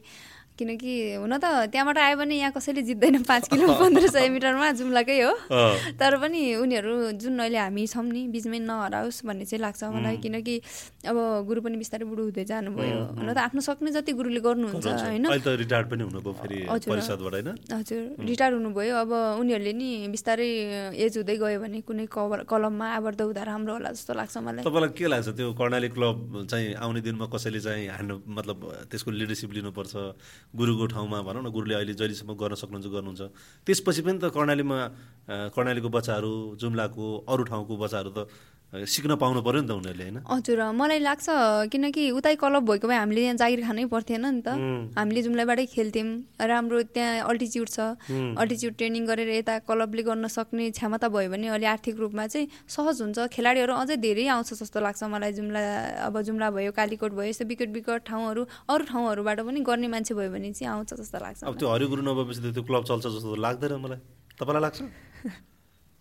होइन जुन कर्णाली स्पोर्ट्स क्लब भनेर उहाँहरूले सुरु गर्नुभएको छ अहिले पनि आफै ट्रेनिङ दिनुहुन्छ डायट आफै कति समय आफैले डायट प्रोभाइड गर्नुहुन्छ होइन। आफ्नो मिल चलाएर। होइन र? त्यो त सामान्य मान्छेले त सक्दैन नि सक्छ तपाईँ हामीले भनौँ न हामीले गरेका छौँ र। सक्दैन। त्यो त ठुलो हृदय चाहिन्छ नि। हजुर एकदमै। त्यहाँबाट त सयौँ खेलाडीहरू आउनुभयो होला होइन? अहिले कहाँ कति धेरैजना छ। के अरे यो हाम्रो गेम स्काउट भन्छ नि वनको? अनि त्यसमा चाहिँ धेरैजना हुनुहुन्छ विशेष गरी अनि आर्मीतिर भयो पुलिसमा भयो अनि अरू ठाउँमा नि हुनुहुन्छ। त्यही त। तपाईँको पहिलो गुरु त उहाँ नै हुनु हजुर पहिलो गुरु खुट्टा। समात्ने नै। उहाँ नै हो जुत्ता यसरी लाउनुपर्छ भनेर गोल्ड स्टारको जुत्ता लाउँथ्यो।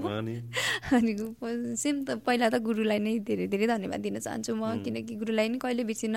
मलाई जतिजना गुरुहरूले कोच गर्नुभयो नि उहाँहरूलाई म कहिले पनि नराम्रो पनि भन्दिनँ र गर्नु पनि नपरोस् भन्छु। अब कहिले काहीँ अन्डरस्ट्यान्डिङ हुन्छ होइन? कोच र चेली भएपछि अब दुईजनाको त्यो मतलब सोच हजुर। कहिले काहीँ होइन। अनि पहिलोचोटि तपाईँ काठमाडौँ आएर तपाईँलाई जुत्ता चाहिँ स्पाइक किनिदिएको चाहिँ रौगुरले स्पाइक होइन।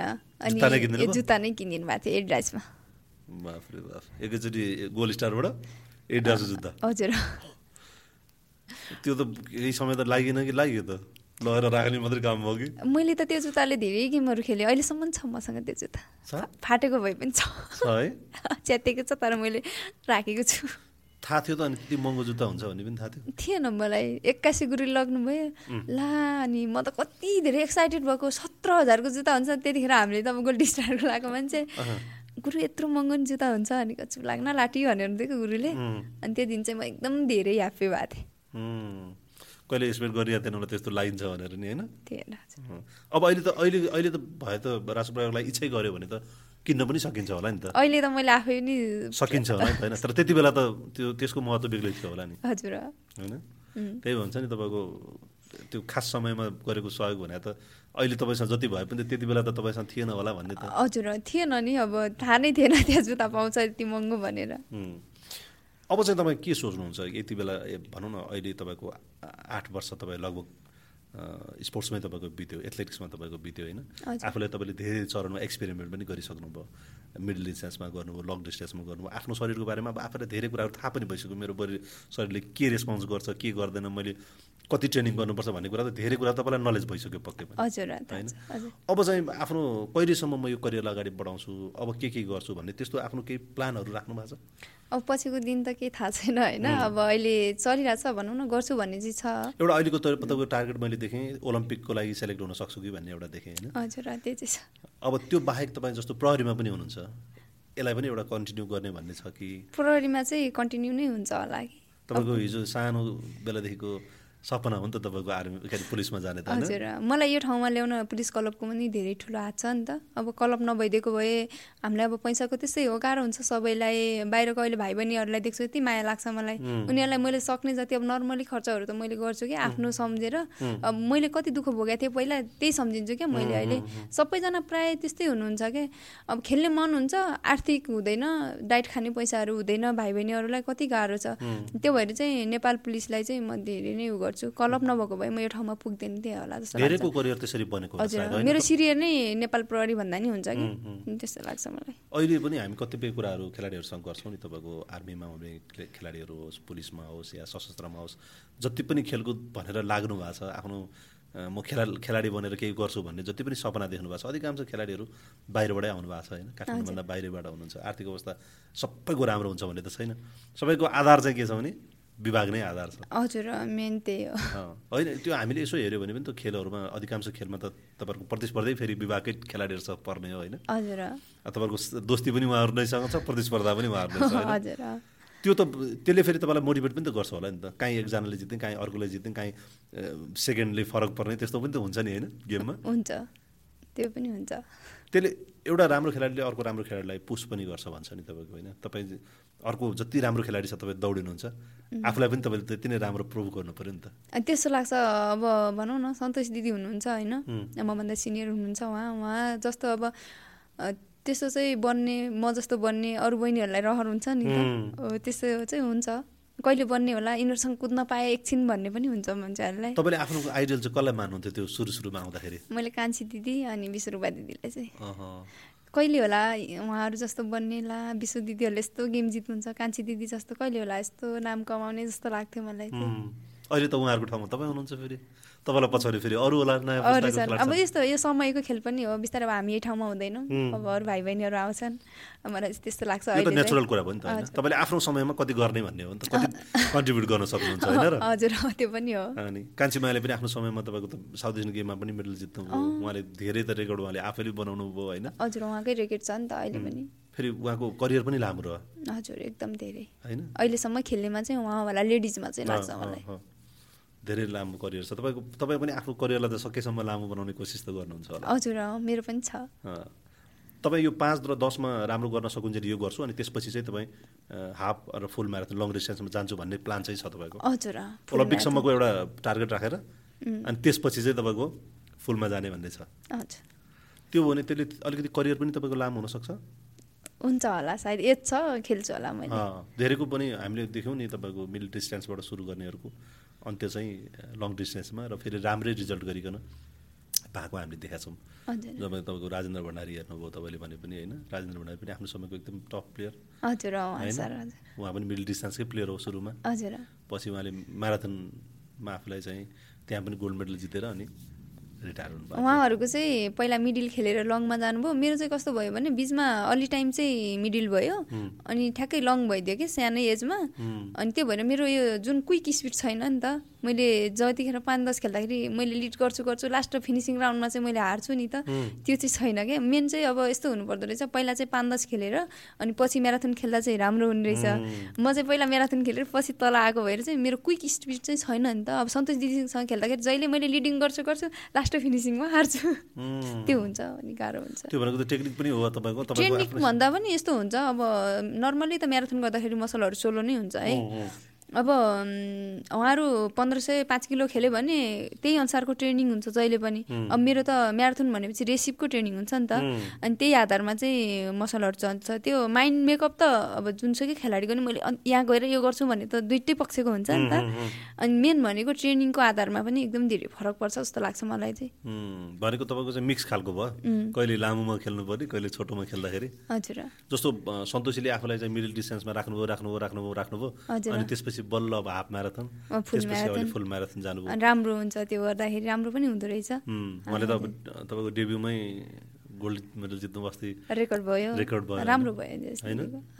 ठुलो सफलता हो नि त रेकर्ड गर्नु फर्स्ट टाइम नै भनेको धेरै राम्रो गर्नुभएको तपाईँहरू सँगसँगै भनौँ न पुष्पा भण्डारी तपाईँ उहाँ अरू हाम्रो के हो वृन्दा हुनुहुन्छ तपाईँहरू अहिले पनि रेगुलर कम्पिटिसनमा हुने।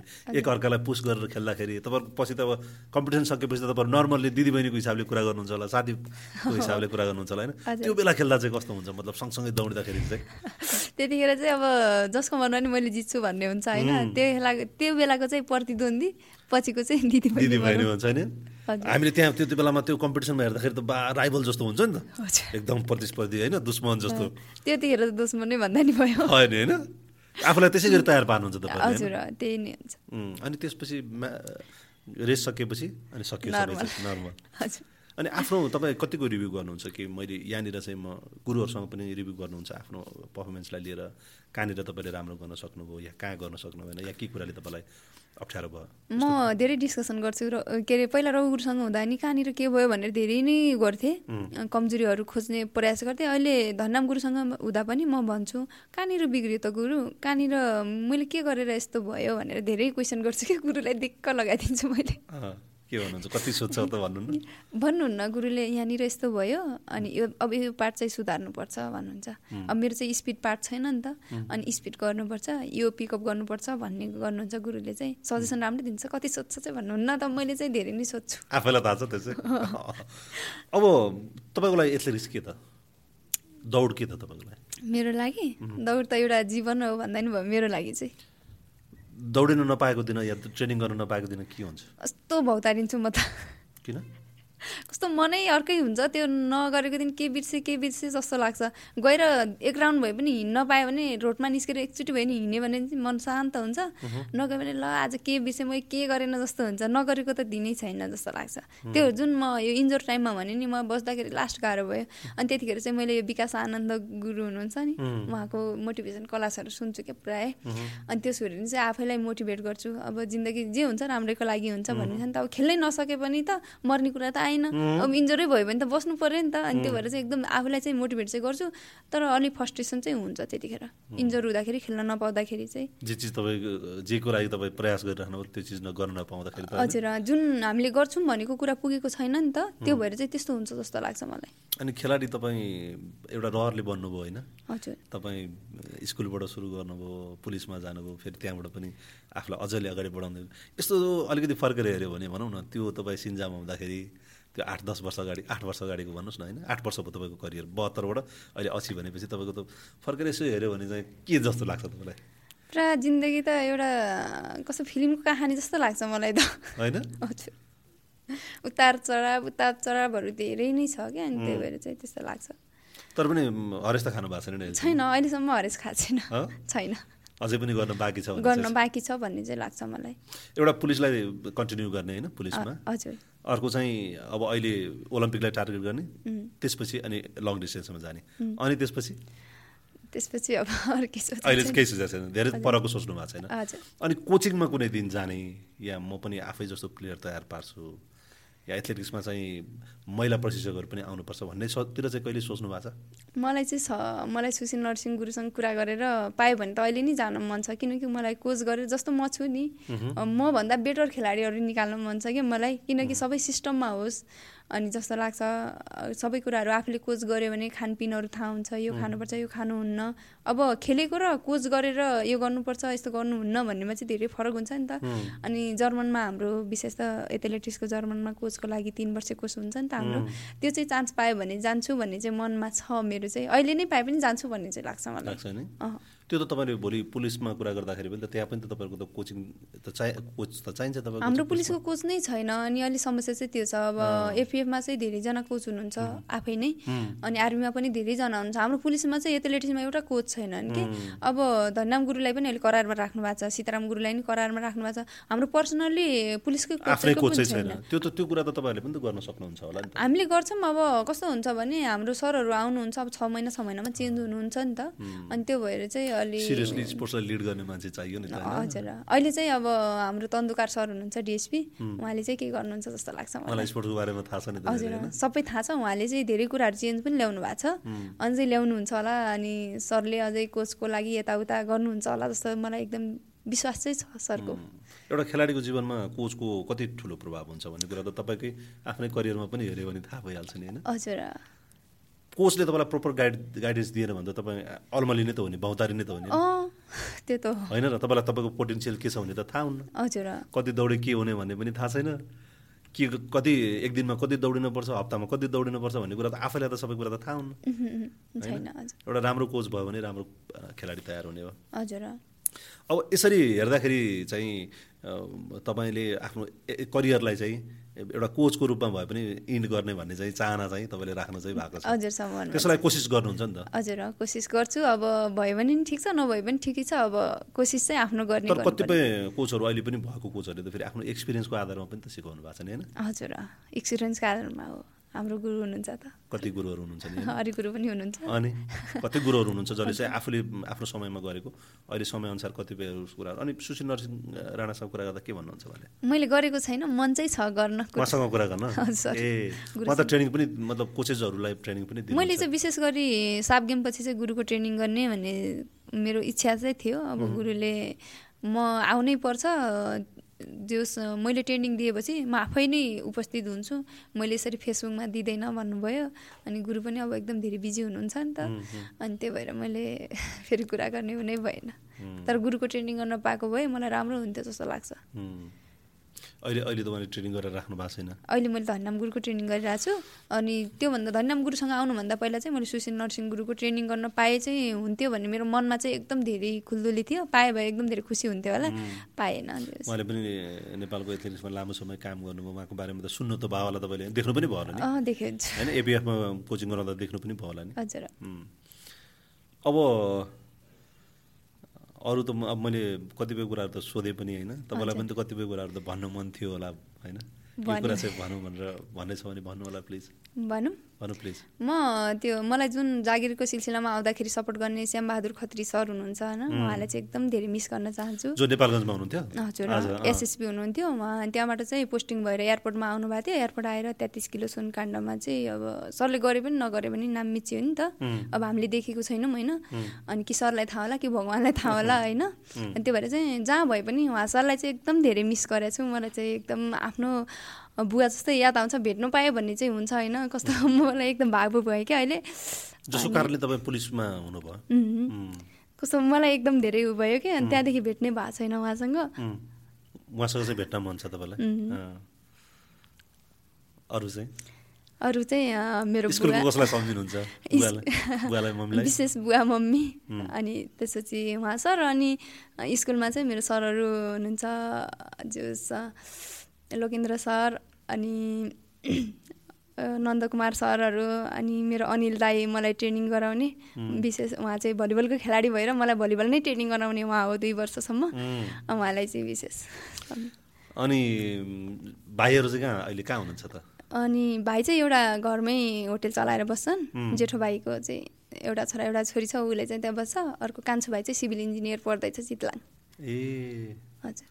अनि कुराकानी त हुन्छ नि? कुराकानी हुन्छ। हजुर। अनि अब तपाईँको आफ्नो करियर सकेपछिको कुरा पनि हामीले गरिहाल्यौँ होइन? फर्केर फेरि जुम्ला नै गएर चाहिँ अँ, हरिदाईले जसै गरी ट्रेनिङ गराउने भन्ने चाहिँ मनमा छ कि छैन? लाग्छ मलाई। जानु पाए त एकदम धेरै खुसी हुन्छु। भोलि तपाईँ पुला पुलिसबाट रिटायर्ड भइसकेपछि म पनि एकजना कसैले चाहिँ हरिदाईको ठाउँमा म गर्छु नि त। भनेर निस्क्यो भने त हरिदाई पनि त खुसी हुनुहुन्छ होला नि त होइन? हजुर। आफ्नै चेलाले चाहिँ आएर चेला चेलीले आएर चाहिँ यो सम्हाल्नुभयो भने भनेर त। हजुर। त्यो इच्छा चाहिँ छ अब हेरौँ कतिसम्म हुन्छ। त्यसको लागि आर्थिक रूपमा पनि अलि ऊ हुनु पऱ्यो नि त। अनि गर्नलाई अब मन मात्रै भएर नि हुँदैन अब सबै कुराहरू पुग्नुपर्छ। तर त्यो गर्न पाइ झन् झनै राम्रो। अहिले तपाईँ जुन स्कुलबाट पढ्नुभयो नि जुन ठाउँबाट तपाईँ आउनुभयो नि त्यहाँ अहिले राष्ट्रपति रनिङ सिलमा त्यसै गरी सेलेक्सनमा जाने बच्चाहरू त्यसै गरी प्रदेशको खेल्न आउने त्यस्तो छ त? आउनु चाहिँ आउनुहुन्छ तर म जस्तै यसरी फट्टै निस्केर चाहिँ आउनु भएको छैन। हजुर। भनेको केही न केही तपाईँले सेक्रिफाइस चाहिँ गर्नुपर्छ होइन? हजुर। गर्नु जस्तो सजिलोले त केही चिज पाइँदैन नि त होइन? हजुर। तपाईँलाई पनि त मम्मी बुवाले चाहिँ होइन पढ तिमी अहिले किन जान्छौ किन हतार गर्छौ त भन्नुभएको थियो होला। अँ म त नाम निस्किँदाखेरि पनि मम्मीले र बुवाले नजा भनेर एकदम धेरै गर्ने किनकि हाम्रोमा होटेलमा नै मान्छे राखेको थियो होइन। अलि जिद्दी चाहिँ हो तपाईँ? म जित्दिनै छु अलि? धेरै नै। आफूलाई लागेको चिज चाहिँ गर्नै पर्ने। हजुर गर्नै पर्ने अनि मनमा लागेको कुरा पनि भनिहाल्छु कि म। नत्र भने आठ क्लासमा त तपाईँको चाहिँ म पुलिसमा जागिर खान्छु भनेर हिँड्ने मान्छे त अलिक जिद्दी नभइकन कहाँ जान्छ त? अलि धेरै नै जिद्दी छु। भनेपछि तपाईँ अलिक मुडी टाइपको चाहिँ हो। अँ, गुरुहरूसँग नि त्यस्तो अब मान्ने खालको भयो त। अब गुरुले नि म्याराथन खेल भन्दाखेरि खेल्थ्यो होला नि त। अनि त्यहाँ पनि अब मेरो इच्छामा हिँड्ने नि त। म पाँच दस खेल्छु भनेर धनी गुरुसँग चेन्ज गरेर धनी गुरुसँग आइदिएँ। गुरु नै चेन्ज गरिदिएर हजुर। म चाहिँ अलि आफू हक्की पाराको छु क्या। मैले यो गर्छु भने चाहिँ हुनैपर्छ भन्ने खालको अनि कहिलेकाहीँ त डिसिजन आफ्नो डिसिजन रङ त्यति बेला चाहिँ मैले गरेको डिसिजन चाहिँ अलिक रङै रहेछ भन्ने चाहिँ कति बेला फिल हुन्छ? त्यस्तो फिल चाहिँ भएको छैन तर? अँ त्यस्तो गलत काममा चाहिँ भएको छैन। एउटा कुरा चाहिँ हुन्छ अलि अब अलि बिहे चाहिँ छिट्टै गरेछु जस्तो लाग्छ। त्यो पनि म जिद्दिनै भएर हो जस्तो लाग्छ क्या। आफ्नै कारण हो त्यो आफ्नै कारण त्यो भएर चाहिँ। अलि चाहिँ- हतार गऱ्यो भन्ने त्यसमा चाहिँ रिग्रेट फिल हुन्छ अलि। अलिक समय लिएर गर्नु पर्थ्यो बुझेर आफ्नो भन्ने चाहिँ लाग्छ अहिले आएर हजुर। भनेपछि हतार गर्दा सधैँ राम्रो हुन्छ भन्ने जरुरी त रहन्छ नि। छैन होइन त। तपाईँले पुलिसमा जोइन गर्ने निर्णय सायद तपाईँको लागि राम्रो भयो होला होइन? हजुर। तपाईँ राष्ट्रपति रनिङ सिंह जति पनि तपाईँले निर्णय गर्नुभयो धेरै सही पनि भयो। केही केही चाहिँ कमजोरी पनि हजुर। त्यो त तपाईँले अब स्वीकार्नु पऱ्यो नि त होइन? कमजोरी भएपछि त्यो त आफैले भोग्नु पऱ्यो नि त तपाईँले। हजुर। होइन?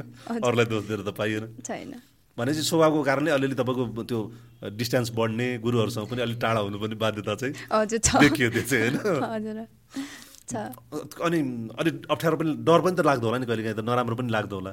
मैले गुरुले भनेको कुरा मानेन भन्दाखेरि त्यो कस्तो नराम्रो फिल चाहिँ हुन्छ अब गुरुलाई देखिरहेको हुन्छ होइन अनि बोल्न मन चाहिँ हुन्छ मलाई गएर बोलौँ बोलौँ हुन्छ होइन। फेरि के सोच्छु ला गुरुले भनेको मानेको छैन फेरि के भन्नु- हो कि? के भन्ने हो कि? अनि गुरुलाई उतादेखि नै यता टाढैबाट भागिहाल्छु नदेख्नु पर्यो हुन्थ्यो जस्तो हुने। होइन त्यस्तो त हुन्न। हुँदैन? होइन देख्न पाए चाहिँ भन्ने हुन्छ। अनि प्रत्यक्ष रूपमा बोल्न चाहिँ अलिक डर त्यही त। अनि अब जस्तो तपाईँहरू नेसनल टिमको क्याम्पमा बस्दाखेरि चाहिँ के कुराकानी हुन्छ त? साथीभाइहरूको बिचमा के खा कस्तो खालको कुराकानी हुन्छ? ठट्टा गरिदिएको हुन्छ? हाम्रो एकदम रमाइलो हुन्छ मिल्ने साथीहरू पर्नुपर्छ पुरा को तपाईँसँग क्लोज हुनुहुन्छ? इन्टरने मतलब तपाईँहरूको नेसनल क्याम्पमा बस्दा? मसँग एकदमै धेरै मलाई सहज फिल हुने भनेको राममाया बुढा बहिनी छ नि अहिलेको उदयमान खेलाडी। उसलाई चाहिँ एकदमै धेरै म फिल गर्छु क्या ऊ र म एकदम धेरै मिल्छ। म एउटै गुरुको चेली भएर पनि होला दुई बहिनी एउटै जस्तो लाग्छ क्या जे गर्दा पनि मैले उसले हार्यो भने चाहिँ मैले हारे जस्तो फिल हुन्छ क्या मलाई गेमहरू। त्यस्तो छ अनि ऊ चाहिँ पऱ्यो भने धेरै राम्रो छ अनि पुष्पा दिदी पनि एकदम धेरै बेटर हुनुहुन्छ। अनि अरू दिदीहरू पनि राम्रै हुनुहुन्छ। अब त्यति क्लोज भयो भने सबै नै राम्रै छन्। अब सन्तोष दिदीसँग म चार वर्ष उ गरेँ धेरै राम्रो भएको। अहिले चाहिँ अलिक प्रतिद्वन्दी भएर अलि अन्डरस्ट्यान्डिङ भए पनि होइन। अनि मभन्दा सिनियर हुनुहुन्छ। दिदीले पनि मलाई धेरै हेल्प गर्नुभएको पहिला। अनि सबैजनासँग चाहिँ ठिक ठिकै छ भनौँ न. अनि तपाईँ आफू अहिलेको समकालीनहरूमा या तपाईँभन्दा आउने नयाँ नयाँ पुस्तामा चाहिँ को चाहिँ एउटा राम्रो एथलिट हुन सक्ने सम्भावना तपाईँले देख्नु भएको चाहिँ? हुन चाहिँ गऱ्यो भने सबैजना हुन्छ। अहिलेको तत्कालीन रूपमा चाहिँ म रामायालाई चाहिँ देख्छु। उसको सम्भावना चाहिँ देख्नुहुन्छ। हामी पछिको हाम्रो ठाउँ चाहिँ ओगेट छ रामायाले चाहिँ छिट्टै। उसमा कतिको त्यो पेसेन्स कतिको छ फेरि? तपाईँहरूकोमा त देख्दाखेरि त दौड फेरि छिटो दौडेर चाहिँ जितिन्छ भने जस्तो हुन्छ तर सबैभन्दा बढी पेसेन्स त फेरि तपाईँहरूलाई नै चाहिन्छ नि होइन? हजुर। उसको चाहिँ सबै पार्ट बलियो छ कस्तो भने उसको फिनिसिङ स्पिड पनि छ उसको अनि इन्डुरेन्स पनि छ। अलि ऊ चाहिँ डराउँछ थोरै। खेल्दाखेरि उसले चाहिँ जित्ने हुन्छ त्यो ठाउँमा अनि के भन्छ भने ला यो छ यो छ भनेर चाहिँ डराउँछ तर त्यस्तो चाहिँ नगर बहिनी भन्छु। अहिले यहाँबाट चाहिँ ए नर्भस हुने खालको अलि चाहिँ नर्भस हुन्छ ऊ चाहिँ बलियो छ फेरि तपाईँहरूको चाहिँ बयालिस किलोमिटर होइन बयालिस पोइन्ट ए वान नाइन फाइभ एक नौ पाँच तपाईँहरू दौड्नुपर्छ। सुरुमा तपाईँलाई दौड्दाखेरि त्यो भनौँ न बयालिस किलोमिटर भने जस्तो फिल हुँदैन कहिले? हुँदैन। किनकि हामीले ट्रेनिङमै त्यो गरिरहेको हुन्छ नि त। ट्रेनिङमा जानु अगाडि पनि त तपाईँले सुन्दाखेरि त सुरुमा सुन्दाखेरि म्याराथन भने यतिको डिस्टेन्स भनेर सुन्दाखेरिको। आज होइन। हिजो सुरुको दिनमा चाहिँ तपाईँलाई त्यति लामो कसरी कहिले दौडिने होला भन्ने फिल हुँदैन। एउटा सामान्य मान्छेले हेर्दा त बयालिस किलोमिटर भने त त्यो त मेरो यहाँ काठमाडौँदेखि मेरो घर जानु पऱ्यो भने पैँतालिस किलोमिटर छ क्या। मलाई चाहिँ त्यस्तो फिल भएन किनकि म अल्ट्रा खेल्दाखेरि पचास किलो खेलेको सुरुमा। अनि त्यो भएर मलाई चाहिँ कसरी पार गर्ने होला जस्तो लाग्दैन थियो होइन? अनि ला अब कुदिसकेपछि चाहिँ के हुने होला? बिचमा के हुने हो कि? जस्तो चाहिँ फिल हुन्थ्यो। अनि तर कतिखेर पुग्ने होला चाहिँ चाहिँ भएन। सुरुमा चाहिँ म मिरा दिदी अनि विष्णु दिदीहरूसँग अल्ट्रा म्याराथन खेलेको। सेकेन्ड भएको ए गोदावरीबाट सुरु भएको थियो। ए। अनि त्यो टाइममा चाहिँ बहत्तर सालमै हो। पुलिसको ठ्याक्कै मेरो त्यो दिन नै मेरो लिखितमा नाम निस्केको थियो। अनि त्यो दिन चाहिँ म यहीँ थिएँ। त्यो दिन म सेकेन्ड भएको थिएँ। त्यो अल्ट्रामा पचास किलोमिटरमा। विष्णु दिदी फर्स्ट हुनुभयो अनि म सेकेन्डमै मिरा दिदी इन्जोर्ड हुनुहुन्थ्यो त्यतिखेर। दिदी थर्ड हुनुभएको थियो। अनि दिदी चाहिँ त्यसको ठ्याक्कै एक डेढ वर्षपछि त दिदी खतरा हुनु। उहाँले त फेरि उहाँ फ्रान्समा गएर जित्नु नि हामी तालिममा थियौँ त्यतिखेर चाहिँ। मैले त्यो म नागरिकमा थिएँ त्यति बेला नागरिक दैनिकमा। त्यति बेला समाचार लेख्न मौका उहाँको मिलेको थियो कि। हजुर। उहाँ त फेरि लडाकु पृष्ठभूमिबाट आएर होइन फेरि कराते खेलेर त्यसपछि त्यो रनिङमा भनौँ न तपाईँको एथलेटिक्समा गएर त्यहाँसम्म भने त त्यो त एकदम धेरै लाग्छ। कथा जस्तो छ नि त उहाँको भने छैन? तर त्यस्तै दुःखले त हो तपाईँ मान्छे बन्नको लागि त फेरि। सहजले त के हुन्छ र होइन? सहजै त केही पनि हुँदैन। अहिले पनि तपाईँको जति पनि एथलेटिक्समा हामीले नाम सुन्छौँ जति पनि पुरानो प्लेयर हुनुहुन्छ कसले सहज गरेर चाहिँ सफलता प्राप्त गरेको छ होइन? कसैले छैन सबैको दुःख आफ्नो छ। तपाईँ कति त्यसमा तपाईँ आफूलाई दुःख हुँदा पनि तपाईँ कति सहन सक्नुहुन्छ? त्यसपछि पनि कति उठ्न सक्नुहुन्छ लडिसकेपछि पनि भन्ने त त्यही त रहेछ नि हामी सफलता पाउने भनेको त। सहजै त के चिज पाइन्छ र? हजुर। होइन र? तपाईँ राजपुरा पछ्याउन यत्तिकै सजिलो त कहाँ छ त? जो पनि हुन्थ्यो नि त नत्र हुने भए। हजुर। होइन? त्यहाँ त अरू पनि राष्ट्रपति रनिङ खेल्नुभयो होला। अरूले पनि चाहिँ दौडमा भाग लिनुभयो होला। अरू कम्पिटिसनमा पनि भाग लिनुभयो होला। तर सबै त राजपुरा पछ्याइ पनि हुन सक्दैन। सबैजनाले त्यो अवार्ड जित्न पनि त सक्दैन नि त। हजुर। होइन र। के भन्न चाहनुहुन्छ? तपाईँ आफ्नो आफ्नो अनुभवबाट चाहिँ नयाँ पुस्ताको जो आउन चाहनुहुन्छ एथलेटिक्समा आउन चाहने नयाँ नयाँ भाइ बहिनीहरू हामी थुप्रै देख्छौँ। उहाँहरूलाई चाहिँ के भन्न चाहनुहुन्छ तपाईँको आफ्नो अनुभवबाट? म चाहिँ के भन्छु भने जीवनमा धेरै उतार चढावहरू हुन्छ होइन। आर्थिक सङ्घर्ष पनि हुन्छ। मेन त हाम्रो चाहिँ आर्थिक नै छ होइन। आर्थिक मेन आर्थिक सपोर्ट गर्ने मान्छे भयो भने त जहिले पनि पिकअप गर्न सक्छ होइन। त्यसले गर्दाखेरि कहिलेकाहीँ धेरै नै उतार चढाव हुन्छ। त्यसमा चाहिँ नआत्तिनु भन्छु म। किनकि समयअनुसार दुःख गर्दै गयो भने ठाउँ भेटिन्छ होइन। क्लबहरूमा जोइन गर्नु एज पनि हुन्छ बिस्तारै। अनि त्यो गर्दाखेरि जति हार्डवर्क गर्यो त्यति नै ट्रेनिङ राम्रो हुन्छ। अनि नआत्तिनु चाहिँ भन्छु दिन आउँछ ज जसको पनि। मिहिनेत गरेर चाहिँ छोड्नु अनि मिहिनेत चाहिँ गर्न चाहिँ छोड्नु भएन। त्यो त सबै फिल्डमा छ नि त होइन? मिहिनेत नगरिकन त केही चिज पाइन्न। हजुर। तपाईँलाई आज यो हामी हिजो अस्ति मैले फोन गर्दाखेरि के फिल गर्नुभयो तपाईँले? यहाँ आउने भनेपछि। एकदम धेरै खुसी भएको थिएँ म किनकि यसरी कहिले बोलाउँला जस्तो हुन्थ्यो क्या म अरूको इन्टरभ्यू हेर्थेँ। हेर्नुहुन्थ्यो। अनि हाम्रो पनि कहिले चान्स आउँछ कि नै भन्ने चाहिँ हुन्थ्यो। बल्ल पाए कति खुसी हुन्थ्यो होला जस्तो लाग्थ्यो। लाग्थ्यो। त्यही त मैले तपाईँलाई फोन गर्ने बित्तिकै तपाईँ अँ हुन्छ म आउँछु भन्नुभयो एकदम धेरै खुसी लाग्यो मलाई कति धेरै। फेरि अब हामी त एथलेटिक्समा धेरैचोटि भनौँ न धेरै इभेन्टहरूमा भेटघाट भइरहेको छ होइन? कुराकानी भइरहेको थियो त्यसले पनि अलिकति सहजता भयो होला। हजुर। सायद होइन? मलाई मलाई पनि सहजै लाग्छ। मैले एथलेटिक्समा त्यो धेरैजनालाई चिनिराख्ने भएर होला होइन? अनि सजिलो लाग्छ मलाई पनि। तपाईँहरूसँग कुराकानी गर्न पनि। हजुर हजुरलाई धेरै धेरै धन्यवाद भन्न चाहन्छु किनकि यो प्लेटफर्म दिनुभएकोमा बोल्नलाई। होइन यो त तपाईँले तपाईँको मिहिनेतले यहाँसम्म तपाईँलाई लिएर आएको। यहाँ त तपाईँले मैले नबोलाए अर्कोले बोलाउँछ अर्कोले नबोलाए तपाईँले आफ्नो त आफ्नो काम त तपाईँले गरिसक्नु भएको छ गर्दै हुनुहुन्छ। मैले बनाएन भने अर्कोले बनाउँछ तपाईँ तपाईँ जस्तो म स्पोर्ट्स जर्नलिजममा तपाईँको दुई दशकभन्दा बढी भयो बिस वर्षभन्दा बढी समय मेरो भइसक्यो। होइन यसैमा मैले बिताएको। तपाईँहरूभन्दा अगाडिको सिनियरहरूसँग पनि कुराकानी गरियो। धेरै खेलाडीहरूसँग मैले राजेन्द्र भण्डारीजीलाई पनि यहाँ ल्याएर गरेँ। उहाँभन्दा अगाडिको पुस्तालाई पनि जितबहादुर दाईलाई पनि ल्याएर कुरा गरेँ।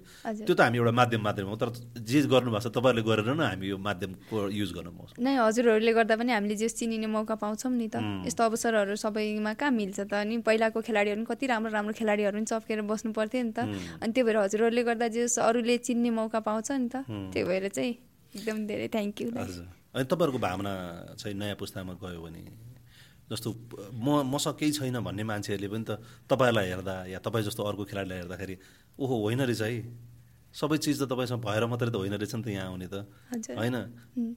गऱ्यो भने त हुने रहेछ भन्ने कुरा त। नत्र तपाईँले गरेको कुरा त कतिपय कुराहरू कसैलाई लागि त त्यो एकदम चाहिँ यो मूर्ख काम गर्यो भन्ने पनि त लाग्दो होला नि त। कतिको लागि त्यही चिज प्रेरणा पनि हुनसक्छ होला। कतिले चाहिँ आठ क्लासमा के छोडेर हिँडे होला? अलिक पढेर गए भइहाल्थ्यो भन्ने पनि लागेको होला होइन? पहिला चाहिँ आफ्नो पासन पुरा गर्नलाई हिँड्दो रहेछ भन्ने पनि लागेको होला।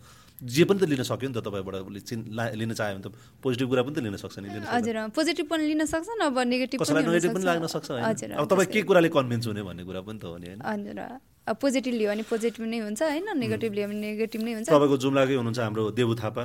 उहाँको पनि त्यस्तै कहानी छ। उहाँ पनि पुलिस आइसकेपछि सुरु भएको छ उहाँको हजुर देव दिदीको पनि छ। अनि उहाँ उहाँको उहाँको पनि आफ्नो सङ्घर्षको कथाहरू छ नि त। हजुर धेरै छ दिदीको होइन? हजुर।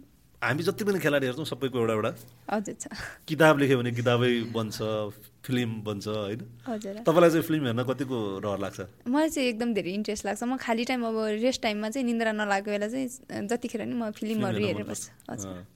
अनि लाउने ओर्नेमा कतिको सख लाग्छ? लाउनेमा चाहिँ म त्यति सोकिङ चाहिँ छैन किनकि गेम खेल्ने भएर होला। अब नखायो भनेपछि शरीरहरू कमजोर भयो भने के गर्ने जस्तो लाग्छ? आफ्नो शरीर छ त सबै कुरा छ छैन त केही छैन जस्तो लाग्छ? अहिले अहिले चाहिँ अलिअलि जो सबैको देख्दाखेरि गर्नुपर्दो गर्नुपर्छ। रहेछ लाग्छ। डाइटमा कतिको ख्याल गर्नुहुन्छ? डाइटमा चाहिँ मैले एकदम धेरै गर्छु। बरु म नलगाएर पनि डाइटमा चाहिँ एकदम धेरै घरबाट पनि आउँछ अरे ओखर आउँछ सिमी आउँछ भटमास आउँछ। मेरो रुममा त टन्नै छ। अहिले पनि आउँछ? छ अहिले पनि छ। चामल पनि उहिलेदेखि ल्याउनुहुन्छ? चामल सिमी ओखर यहाँ के किन्नुहुन्न? मैले हजुरलाई ल्याइदिनु पर्ने आज बिर्सेछु पछि ल्याउँला न त। ल ल। ओखर ओखर हुन्छ तपाईँको हजुर, ओखर हुन्छ। सिमीहरू हुन्छ। तपाईँहरूको त के भन्छ मार्सीको चामल होला होइन? यस्तै यस्तै पाहाडको त त्यहाँ त्यहाँको त अब मार्सी भने त फेमस छ फेरि अहिले। जुम्ला गएपछि मार्सी त ट्राई गर्नै पर्यो होइन? अब अहिले त हुँदा हुँदा तपाईँको सुर्खेतमा पनि मार्सी फेमस होइन त? अरू चिज के पाउँछ तपाईँकोमा? हाम्रोमा चाहिँ विशेष त त्यो स्याउ सिमी अनि चामल। अरू चाहिँ तपाईँहरूको ठाउँ त फेरि कस्तो रमाइलो छ नि उपत्यका जस्तो? हजुर। एकदम ठुलो बस्ती रहेछ। म त त्यो बाटो आउँदाखेरि देखेको। अनि अब म त मेरो अब हामी नेपाली भाषीहरूको लागि त यो सिन्जा भनेको चाहिँ हाम्रो उत्पत्ति यहाँबाट भाषा सुरु भएको भनेर भन्नुभयो त्यहाँ कसले हजुर ए हजुर गाडीमा जानुभएको थियो कि त्यसले? यस्तो भयो। पहिला हामी नेपालगञ्जदेखि चाहिँ जुम्ला गयौँ। अनि जुम्लाबाट चाहिँ मु उहाँ रारा गयौँ। अनि फर्केर आउँदाखेरि चाहिँ सिन्जा हुँदै भयो। ए गाडीमा? गाडीमा आउँदा ए सिजा हुँदै आउनुभयो भने हाम्रो घर हुँदै आउनु परेछ। अँ त्यही त नि। अनि त्यहाँदेखि लेफ्ट साइड चाहिँ अनि बस्ती हुँदो रहेछ नि त होइन? त्यो बाटोको यतापट्टि। तर हामी बस्न चाहिँ पाएनौँ किनभने साँझ साँझ परिसकेको थियो। यता कालीकोट आएर।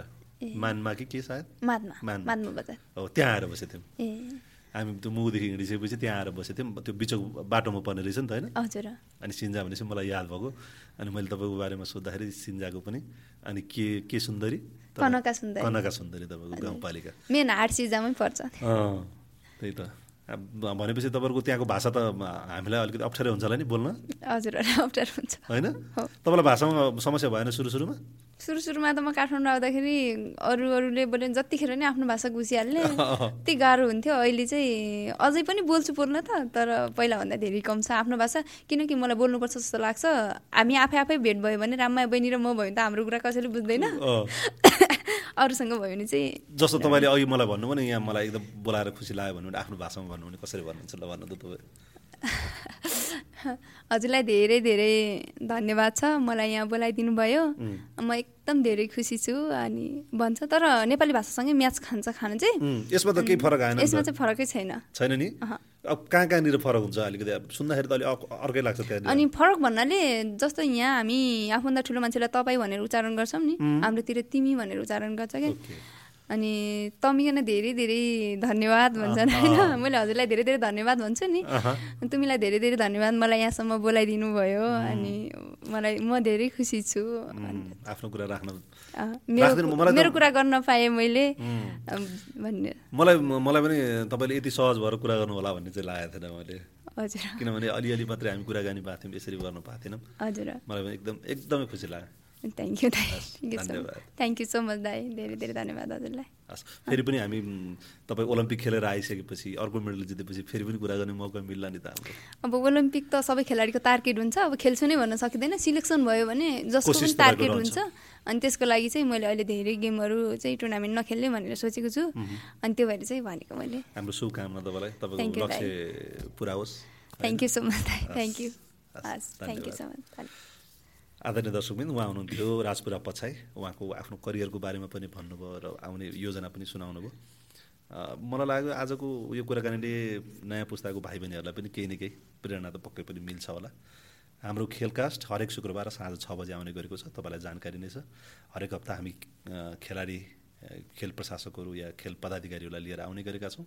आजको लागि यो फोटो स्टुडियोलाई धन्यवाद दिन चाहन्छु स्टुडियोको लागि। र म प्रकाश देवन सेनालाई पनि बिदा दिनुहोस्। नमस्कार। आज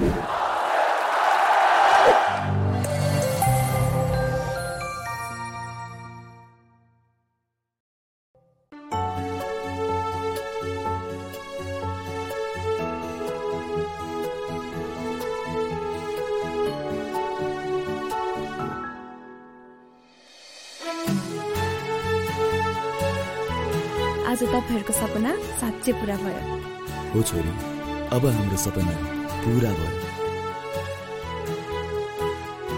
उच्च सोचको निर्माण सगरमाथा सिमेन्ट जुनी जुनीलाई